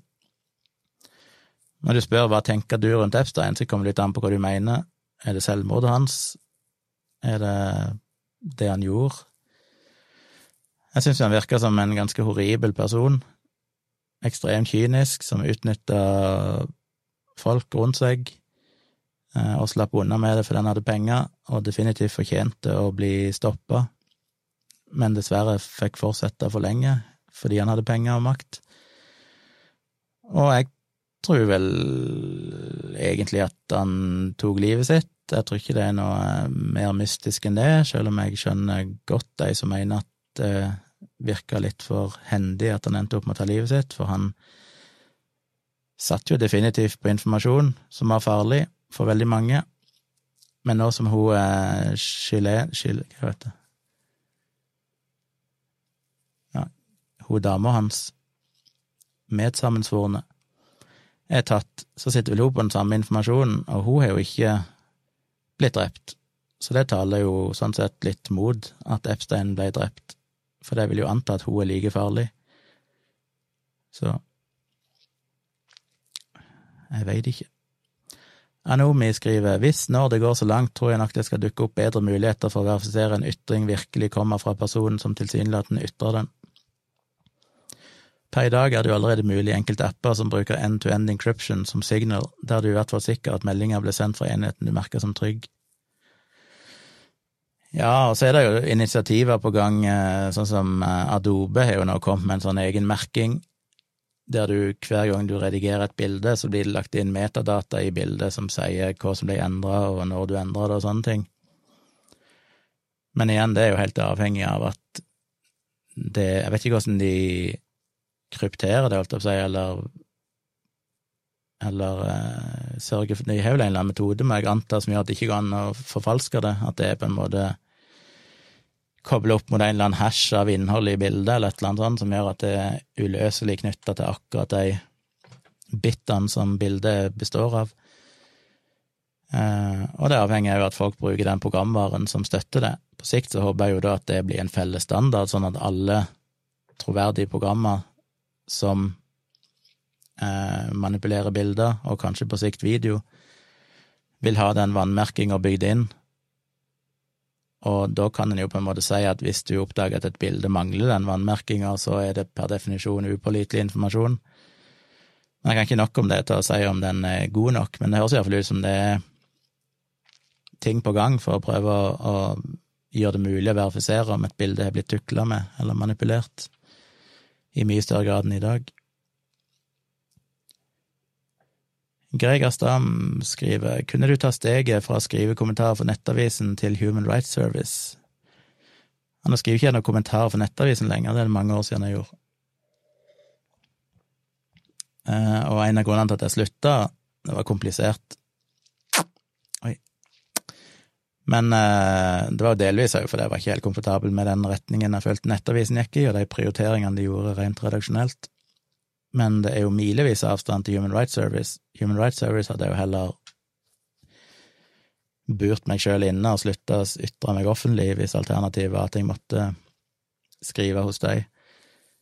Eh, de ville jo aldri hatt meg, selvfølgelig, for alt jeg hadde skrevet, hadde jo vært stikk i strid med det de skriver. Men jeg vil helst ikke være assosiert til dem på noen slags måte. Frode spør tror du at samme person kan bli smittet flere ganger selv om man har blitt smittet av korona tidligere. Aner ikke. De lærde strides vel. Jeg mener vel at det er mye som tyder på at mange av de eksemplene tidligere, der folk mener de blir smitta to ganger, ofte egentlig skyldes at uh, det kan være både feil testing og sånn, men det kan òg være at de egentlig ikke ble, var friske første gang. At det egentlig er samme infeksjonen, de bare tester to ganger. Eller uh, ja, et eller annet sånn. Jeg, uh, jeg vet jo ikke. Men det er ikke urimelig å anta at immuniteten kanskje ikke varer veldig lenge, så teknisk sett så kan det godt være at du kan bli smitta igjen, men kanskje ikke veldig fort. Så vi får se, det aner jeg ikke. Det er vel egentlig ingen som aner. Henger de skriver god kveld, rakk akkurat å høre de snakket om covid, fattigdomproblematikk. Det er vel noe av det samme i USA, mange lavtlønnede der som har både to og tre jobber for å få det til å gå rundt. Ja, det er et godt poeng at eh, restriksjoner i USA vil jo selvfølgelig ramme mye hardere enn det gjør i Norge, og det skal en jo være sympatisk for, og derfor er det nok populært at eh, Trump eh, ikke vil ha de restriksjonene. Men igjen så tror jeg nok at det er litt som å pisse i buksa for å holde seg varm. Jeg tror nok de lavtlønna er de som igjen vil bli ramma hardest i framtida, hvis ikke de får løst det problemet. På det hvis det blir økonomisk krise i større grad, så er det jo de som stryker med først, holdt jeg på å si, som rammes hardest, så Igjen handler det jo om kortsiktig versus langsiktig tenking. Henoik skriver staten viser jo gang på gang at de er udugelige hva gjelder informasjonssikkerhet. Skal man overlate slikt til staten, bør man nesten involvere de hemmelige tjenestene. Ja, og det var jo noen av argumentene mine i den eh, Smittestopp-app debatten òg, det hadde jeg jo glemt vekk, det er så lenge siden nå, men jeg husker jo der òg, der viste jeg jo til mange eksempler, historisk sett, der de har drevet seg ut, enten ved at de har vært, hatt dårlig datasikkerhet, eller at de har lovt at data skal brukes sånn og sånn, og så blir de brukt på andre måter enn det de egentlig var godkjent for. Og det er jo den der eh, Åh, oh, nei, hva er det begrepet heter nå igjen? Sånn eskalering, at du formåls... Eh, formålsglidning, heter det vel. Det at du sier at disse dataene skal kun brukes sånn og sånn, men så skjer det en eller annen krise, for eksempel covid-19 eh, muterer og blir mye mer alvorlig, eller det plutselig skjer en terroraksjon eller et eller annet, og så vil de fort kunne få aksept for å si at du, de dataene der, de trenger vi nå til å løse dette problemet. Og det er farlig, og det har vi sett eksempler på tidligere. Så det er jo litt av ja, og det er jo et viktig poeng som jeg glemte i stad, at uh, mens Google har mye mindre muligheter til å misbruke de dataene enn det staten har, staten kan jo ved å ha de dataene om deg i mye større grad fucke livet ditt enn det Google kan, så en bør jo sette mye høyere krav til den informasjonen staten har.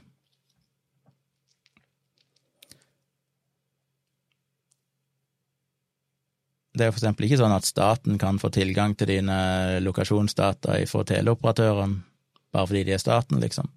Det er de samme strenge Teknisk sett, da, eller formelt sett, så spørs det jo hvor godt det håndheves, men jeg har vel inntrykk av at generelt sett så er det ganske strenge krav for at for eksempel identifiserende data skal kunne utleveres, så det er jo derfor staten og sånn vil ha datalagringsdirektiver og sånn, sånn at de har større muligheter for å hente ut informasjon over lengre tid. Hvis de får rettens godkjennelse til å koble sammen IP og brukerinformasjon. Anomi skriver problemet er når stater krever å bygge inn bakdører i ellers trygge tjenester, og da blir mange Google-tjenester veldig skumle bare fordi det finnes en potensiell mulighet for det. Ja, det er der jeg er glad at Apple og, og Tim Cook er jo veldig krystallklare på at de ikke vil bygge inn noen bakdører i IOS, for eksempel. Selv om eh, FBI og andre har hamra hardt på dem og vil at de skal gjøre det, for de trenger det for å forebygge terror og sånn etterforsker terror og sånne ting, og så sier de nei. I det lange løp så vil det føre til mye større problemer enn uh, løsninger.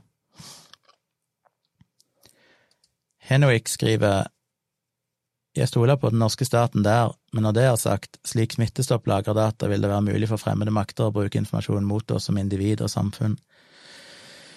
Ja, og igjen så er det jo som med alt når en diskuterer ytringsfrihet og sånn òg, den jevne nordmann har kanskje ikke noe å frykte, men det handler jo litt om eh, kollektiv eh, ansvar, det at vi må være klar over at det finnes en del individer blant dere, alt ifra politiske flyktninger til ei dame som har gjemt seg for sin voldelige ektemann, til mange eksempler en kan finne på at lokasjonsdata kan misbrukes.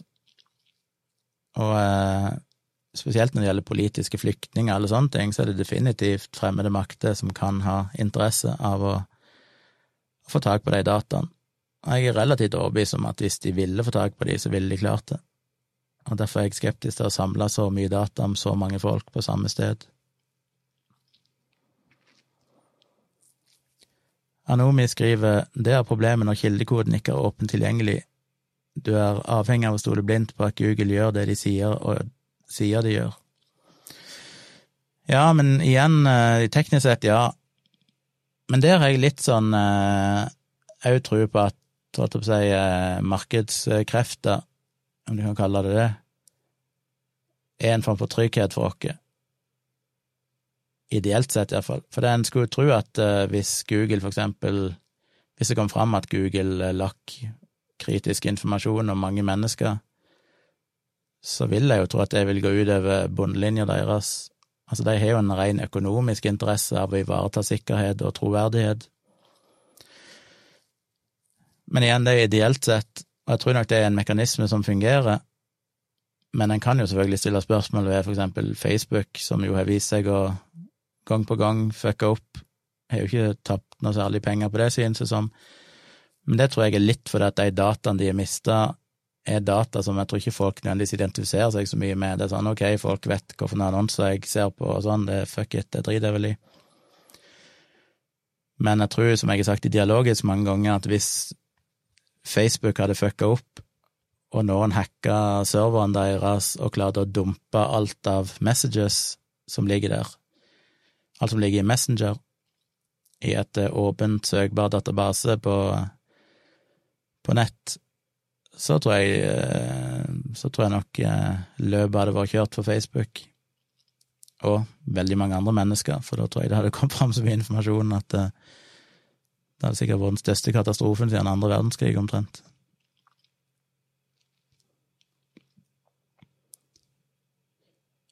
Henoik skriver til Anomi, der er jeg enig, heldigvis har vi et relativt sterkt informasjonssikkerhetsmiljø her i Norge, og flere av oss reverse engineere appen, men open source er best på det meste slikt. Anomi skriver sannsynligvis et større problem i USA der myndighetene kaster rundt seg med gag orders, men jeg tenker at mer overvåking alltid er en interesse politi og etterretningstjenester har. Ja, det var vel òg litt av problemet med dataen som var lagra på Microsoft sine servere, for teknisk sett var det jo ting som tyder på at du hadde egentlig USA rett til å be om å få de dataene utlevert så lenge det var et amerikansk selskap som teknisk sett lagra dataen for Smittestopp-appen. Det var det jo kontroverser rundt og uenighet rent juridisk om det faktisk gjaldt når det var hosta i Irland, men eh, det var en mulighet for det. Anomi skriver til Henoik, jeg mangler ikke fullstendig tillit, tillit til regjeringa nå, selv om jeg står på fullstendig motsatt side i politikken, men hvis data skulle bli lagret lenge av en eller annen grunn, vet jeg ikke. Henrik skriver til Anomi mm -hmm, ref. datalagringsdirektivet og digitalt grenseforsvar. Anomi skriver vi kommer til å ha like mye tillit til regjeringa om 10 eller 15 år. Ja, en fortsettelse. Han skrev av en eller annen grunn vet jeg ikke om jeg kommer til å ha like mye tillit til regjeringa om 10 eller 15 år. Nei, det digitalt grenseforsvar og sånn gjør jo at jeg blir litt skeptisk til hvilken forståelse de egentlig har, av personvern, og, og det ønsket om å innføre, eller at at datalagringsdirektivet vel teknisk sett ble innført, men så heldigvis forkasta igjen, på grunn av at det var brudd på EU-regler, er jo ikke tillitvekkende. Glenn Dronage skriver Jeg mener å huske at du sa, correct me if I'm wrong, if I'm won't, at du ikke har hørt på podkasten til Sam Harris. Hvorfor ikke? Han er kanskje den mest ærlige og rasjonelle personen jeg har vært borti. Eh, fordi jeg ikke jeg, Ja, han er jo flink i å fremstille seg sjøl sånn, men jeg føler hver gang noen sier du må sjekke ut den episoden, eller for eksempel den episoden han hadde om eh, Black Lives Matter og politivold her for for, så, ja, for et par måneder siden, eller hva det var. Så tok jo vi for oss den dialogisk, og da gikk jo jeg inn og, og sjekka litt opp i de tingene han sa, og jeg syns jo han sier veldig mye som rett og slett ikke er korrekt. Men han er veldig flink til å fremstille det som at han er veldig selvkritisk, og dette er liksom bare fakta, og vi må være ærlige. Men gang på gang så viser det seg jo at når han kommer med sånne påstander, så er det ikke alltid Eller det er langt på nær så faktamessig solid som han vil ha det til.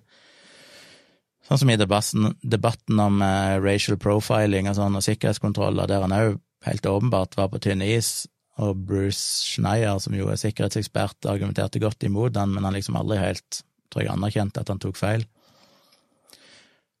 Og så er det vel primært den der greia som både han og Richard Dawkins er pusha, som er en helt, i mine øyne, overdreven frykt for islam jeg er selvfølgelig enig i at det er mye å, å være kritisk til, og mye av det er jo korrekt, men det er den overdramatiseringa om at det basically foregår en, en islamsk invasjon av Europa, og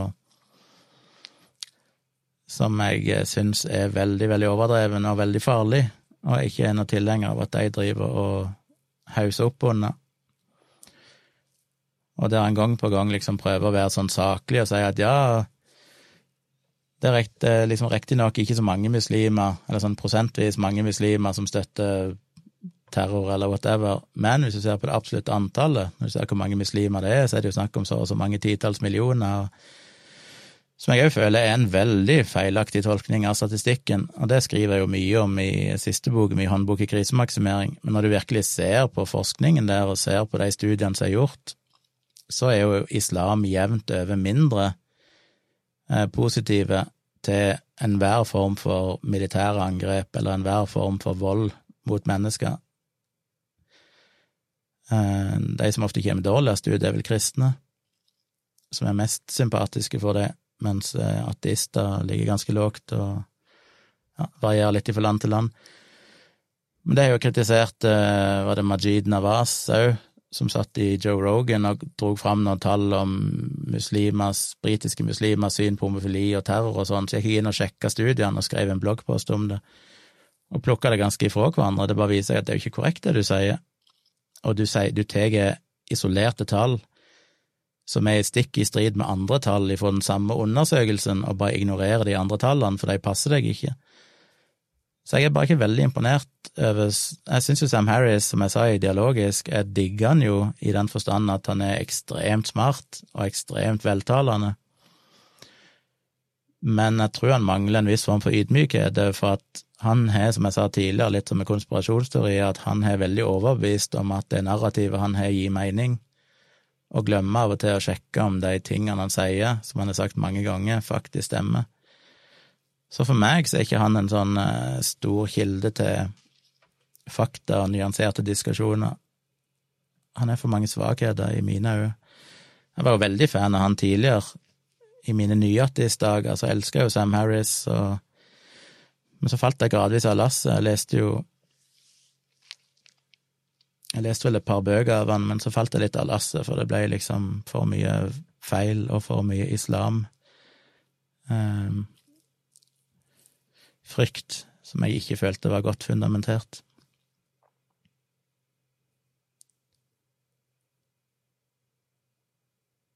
Uh, Uh, Sin skriver hører på dialogisk, min første gang her, ser ut til at jeg har en del å ta igjen. Uansett, takk for gode svar på samtlige spørsmål fra chatten. Interessant å høre på, gleder meg til neste gang. Adios. Good night. Takk for at du så på. Da melder Baconduck òg natta. Full flex skrives for studio, Tjomli, ser ut som en fin setup.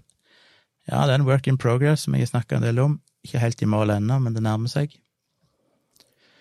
En liten og en tjukk spør hvem er Norges beste standup-komiker, og internasjonale. Er programforplikta til å si Dag Søre, er jeg ikke det. Jeg kan ikke si noe annet. Eh, generelt sett så syns det er vanskelig å trekke fram én, og jeg er generelt sett ikke verdens største fan av standup.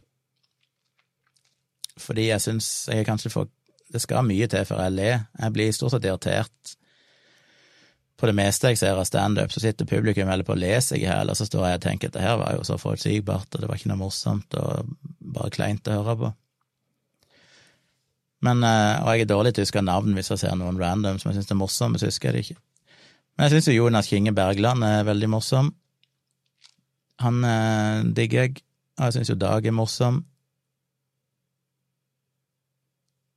Utover det så kommer jeg ikke på så mange. Jeg har ikke sett så jævlig mye standup, faktisk, i Norge.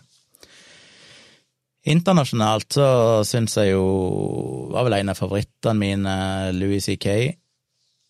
og uh, Eddie Izzard, som jeg tror Dag hater. Jeg kan ikke annet å like Jerry Seinfeld heller, selv om det føles litt kommers, men uh, Men ja, jeg har sett Eddie Izzard og og Louis C.K. live, og må si at det syns jeg var fantastisk. Frode Heggelund spør hva kom først, høna eller egget? Jeg tror egget kom først, og at egget ble lagt av en dinosaur. eh, ja Jeg vil vel få kverulere og mene at det spørsmålet er et ugyldig spørsmål, men uh, henger de komikere. George Carlin, rest in peace, som min favoritt. Ja, George Carlin er jo fantastisk, men uh, jeg har ikke sett ekstremt mye av han, jeg burde sikkert sett mer. Jeg har sett uh, en del av han og syns jo det er genialt. Ja, Jim Carrey er jo òg veldig morsom i sine gamle dager, når han hadde standup. Men jeg har ikke sett ekstremt mye av han heller, sånn standup-messig. Jim Jeffries har bra, synes jeg. Norges beste synes jeg er vanskelig, men mange gode. Henoik personvern er veldig komplisert, men samtidig veldig simpelt, og heldigvis har GDPR kommet på banen, men jeg vet at det ikke, ikke praktiseres til det fulle av alle bedrifter, både store og små. Jeg har veldig delte følelser om GDPR. Som jeg er jo webutvikler sjøl, og vi har jo nettavisløsninger. nettavisløsning, når GDPR ble innført, så måtte jeg eh, bruke mye tid på å implementere det, og jeg tok det jo veldig alvorlig. En som jobba i firmaet mitt tidligere, var òg veldig opptatt av personvern, og og vi satte oss jo veldig inn i det reglementet og virkelig lagde en løsning som var veldig solid. Så i Newsflow, som er den nettavisløsningen jeg har laga, så bygde jo jeg det inn sånn at uh, når du går inn på nettavisen, så setter du ingen cookies eller sessions, ingenting, før du eksplisitt er godkjente, og først da reloader den sida. Så vi laster jo ingenting tredjepartskode eller noen ting før du er godkjent GDPR, for vi kan ikke alltid ha kontroll over hva tredjeparts annonseløsninger og sånne ting gjør. Eh, og vi sletter data mye tidligere enn det vi trenger, sikkert, for du kan teknisk sett spare dataen hvis du kan argumentere for det, men for å være på en sikre side, så sletter jo jeg alt unna etter ganske kort tid, for vi vil ikke ha det hvis ikke det er noe vi teknisk sett absolutt må ha. Og vi logger jo lite data generelt sett. Så vi bygde jo inn en veldig god versjon av GDPR men så fikk vi jo klager fra kundene, for at de mente at ja, men det er så tungvint med, med sånn som det er her, det er mye lettere, kan vi, Aftenposten er det jo mye lettere. Og da blir jeg så forbanna, for jeg hater jo Schibsted og deres syn på personvern, der de basically bare sier at alt er lov til det motsatte er bevist, holdt jeg på å si, og noen må snart prøve det der rettslig, for eh, den strategien de driver med, syns jeg er helt horribel der det basically er sånn at hvis du går inn Jeg prøvde jo dette med å slette alle cookies og sånn, og, og logge ut, eh, eller sjekke at jeg ikke var logget inn noe plass, Og de finner jo ut hvem du er ved hjelp av forskjellige taktikker, som så vidt jeg har hørt andre fortelle. Du kan kjøre hva er det, javascript-kode i nettleseren som genererer et eller annet tall med mange desimaler, og så vil det være et lite avvik der. Blir eksempel kjørt på GPU-en eller sånn, og så vil det være individuelle forskjeller på maskinen, så de kan bruke det til å fingerprinte deg og sånne ting. Jeg tror de bruker mye metoder sånn de vet hvem du er, selv om vi ikke har satt cookies og sånne ting, ved hjelp av fingerprinting på forskjellige måter. Det er én ting, det vet jeg ikke noe om. Men det jeg vet, er jo at hvis du går inn på Aftenposten, for eksempel, og så får du opp den der pop-upen 'Vi tar ditt personvern på alvor', så er det to valg. 'Jeg forstår', eller 'les mer', eller noe sånt. Og hvis du klikker på 'les mer', så setter han den cookien som basically sier at du er godkjent den pop-upen. Så enten du trykker på 'les mer' eller 'jeg forstår' og liksom godkjenner, så får du samme cookien satt. Så det er ingenting å si hva du trykker på, det er ikke noe valg. Og når du da trykker 'jeg vil vite mer' eller 'les mer', så kommer du inn på personvernsida, og der er jo alt slått på som default, som jeg mener er i strid med GDPR, for det skal være eksplisitt opt-in. Og så jeg krangla med hun digitalsjefen i Schibsted på Twitter, og hun argumenterte med at ja, men ifølge Datatilsynet så er det sånn at hvis du har cookies enabled i nettleseren din, så er det et implisitt samtykke til at cookies kan lagres. Og det er korrekt, for det står faktisk hos Datatilsynet, noe som jeg mener er helt absurd. Eh, og problemet mitt er at ja, de kan argumentere med at teknisk sett er det kanskje lovlig, men det er jo definitivt i strid med intensjonen til GDPR. Og vi har jo prøvd å kode en nettavisløsning som følger intensjonene til GDPR, som handler om å lagre minst mulig data og kreve eksplisitt opt-in som noen av kundene våre syns er tungvint, for da må kundene ja, gå inn og godkjenne ting. Eh, mens når de går på andre store nettaviser, så bare fungerer alt automatisk. Så sier jeg ja, men det er jo fordi de gir faen i GDPR, og jeg blir forbanna på at vi skal lide under at de store aktørene er så hensynsløse.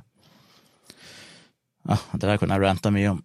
Men ja, jeg føler vi har en god implementasjon, men så har vi måttet svekke den bitte grann, fordi at av ren konkurransehensyn så måtte vi liksom begynne å tilpasse oss litt eh, som ikke jeg likte. Um, men, eh, men, du har helt rett i at GDPR definitivt ikke er implementert skikkelig mange plasser, og muligens lovlig, så lenge Datatilsynet sier at eh, du implisitt er godkjent cookies hvis det er skrudd på i nettleseren, som det jo er som default, og som sikkert bare 1% av befolkningen aner hvordan de skal skru av, som jo er en helt horribel tolkning, som kanskje var brukbar før GDPR, men etter GDPR så burde de definitivt endre den formuleringen hos Datatilsynet. For det følger jo på ingen slags måte intensjonene i GDPR, sånn jeg tolker det. På den annen side sett så er jeg jo positiv i prinsippet til GDPR, men jeg merker jo jeg merker jo ganske fort at det ble en form for personvernfatigue. At jeg mens i starten satte pris på at det kom pop-up, så jeg kunne gå inn og liksom sjekke hva som ble logga, så merker jeg nå at det er ikke tid til når jeg driver research og sånn, og er inne på 300 nettsider i løpet av en time, så kan ikke jeg sitte og justere personverninnstillinger på alt, så det er bare blitt automatikk nå på at jeg bare klikker godkjenne.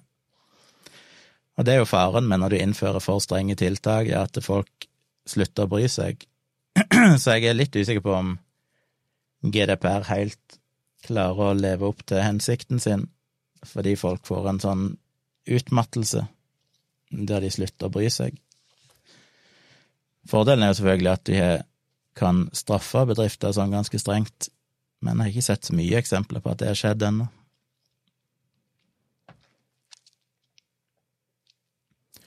Anomi skriver til Henoik håper maktfordelinga fortsetter å fungere i EU. Politikerne har kjørt korstog mot end-to-end -end encryption i årevis, men foreløpig har de fått kjeft av domstolen på grunn av menneskerettigheter.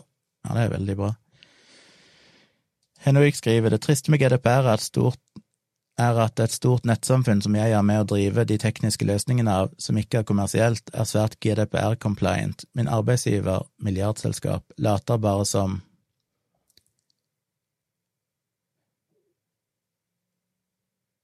Jeg skjønte ikke helt. Er det et problem at det er svært GDPR-compliant? Eller mente du ikke? Det er langt ifra lovlig å si at du har godkjent cookies hvis du har aktivert det i browseren din, med mindre din browser har en databehandler med nettsiden du surfer på, noe som er tvilsomt.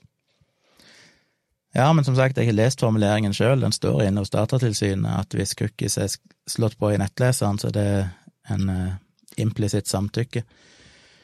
Men jeg er veldig ivrig på at de skal prøve det juridisk snart, for jeg hadde elska hvis Schibsted og co. fikk en smekk på fingeren, for det at de og det er ingenting jeg syns er mer provoserende enn når NRK og Schibsted og alle de her nettstedene som soper inn data og har så mye trackere, eh, går ut og skriver om kritisk om Facebook og så videre, om hvordan Facebook er trussel mot personvern og sånn, så jeg bare fuck you.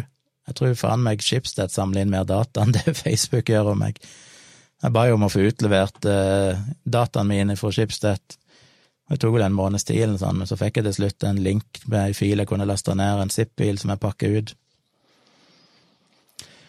Og det er ganske fascinerende å se. De hadde jo data tilbake igjen til tidlig 2000-tallet, på alt jeg hadde surfa, og alle annonser jeg hadde sett på, sånn ifra finn.no og alle nettsteder som Schibsted eier, og det er jo ikke få. Eh, jeg ble ikke så mye klok av de dataene, for de er jo lagra i et hierarki som er helt uforståelig hvis ikke du kjenner konteksten til hvordan de dataene brukes, men det var interessant å bare se på datostempling og, og liksom alt av ID-er til annonser og sånn som bare lå lagra der, så så det er en interessant øvelse å gjøre hvis dere vil det, å gå inn på Schibsted sine sider og så requeste å få utlevert dataene dine, så ser du hva de lagrer. Henrik skriver det jeg mente er at det er leit at en ikke-kommersiell organisasjon er mer compliant enn det et milliardselskap som har råd til å ansette folk i fulle stillinger for dette. Ah, ja, da skjønner jeg. Ja.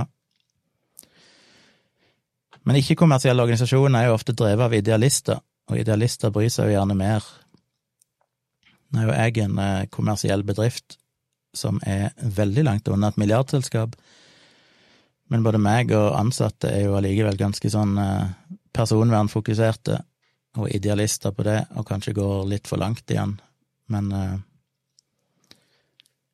jeg syns det er viktig. Men folkens, nå har vi holdt på i, i lang tid. Ja, faen, snart tre timer. Ny rekord. Men igjen, veldig gode spørsmål, interessant prat. Eh, håper dere dukker opp igjen neste gang, hva tid det enn blir. Det kan være i morgen, det kan være om to dager. Får se hva jeg føler for.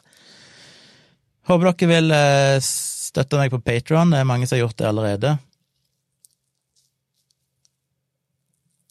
Og så eh, blir denne her videoen liggende ute en stund, så takk. Jeg ser jo at det er noen hundre som kikker på dette etter livestreamen er ferdig, og det er jo veldig gøy. Eh, tips gjerne andre om at jeg kjører livestreams. Del, abonner på kanalen, så får dere varsling når jeg kjører livestreams. Og hvis dere blir Patrion, så får dere en mail hver gang jeg skal kjøre en livestream, så da får dere en skikkelig personlig varsling. Pluss at dere òg kan høre dette som podkast, hvis ikke dere har muligheten til å, å følge med livestreams eller se video så lenge i strekk. Så like, like videoen, del, abonner, bli Patron. Alt det vanlige. Takk for at dere så på. Veldig, veldig spennende, gode spørsmål og god samtale, og så ses vi igjen snart, regner jeg med. Ha det.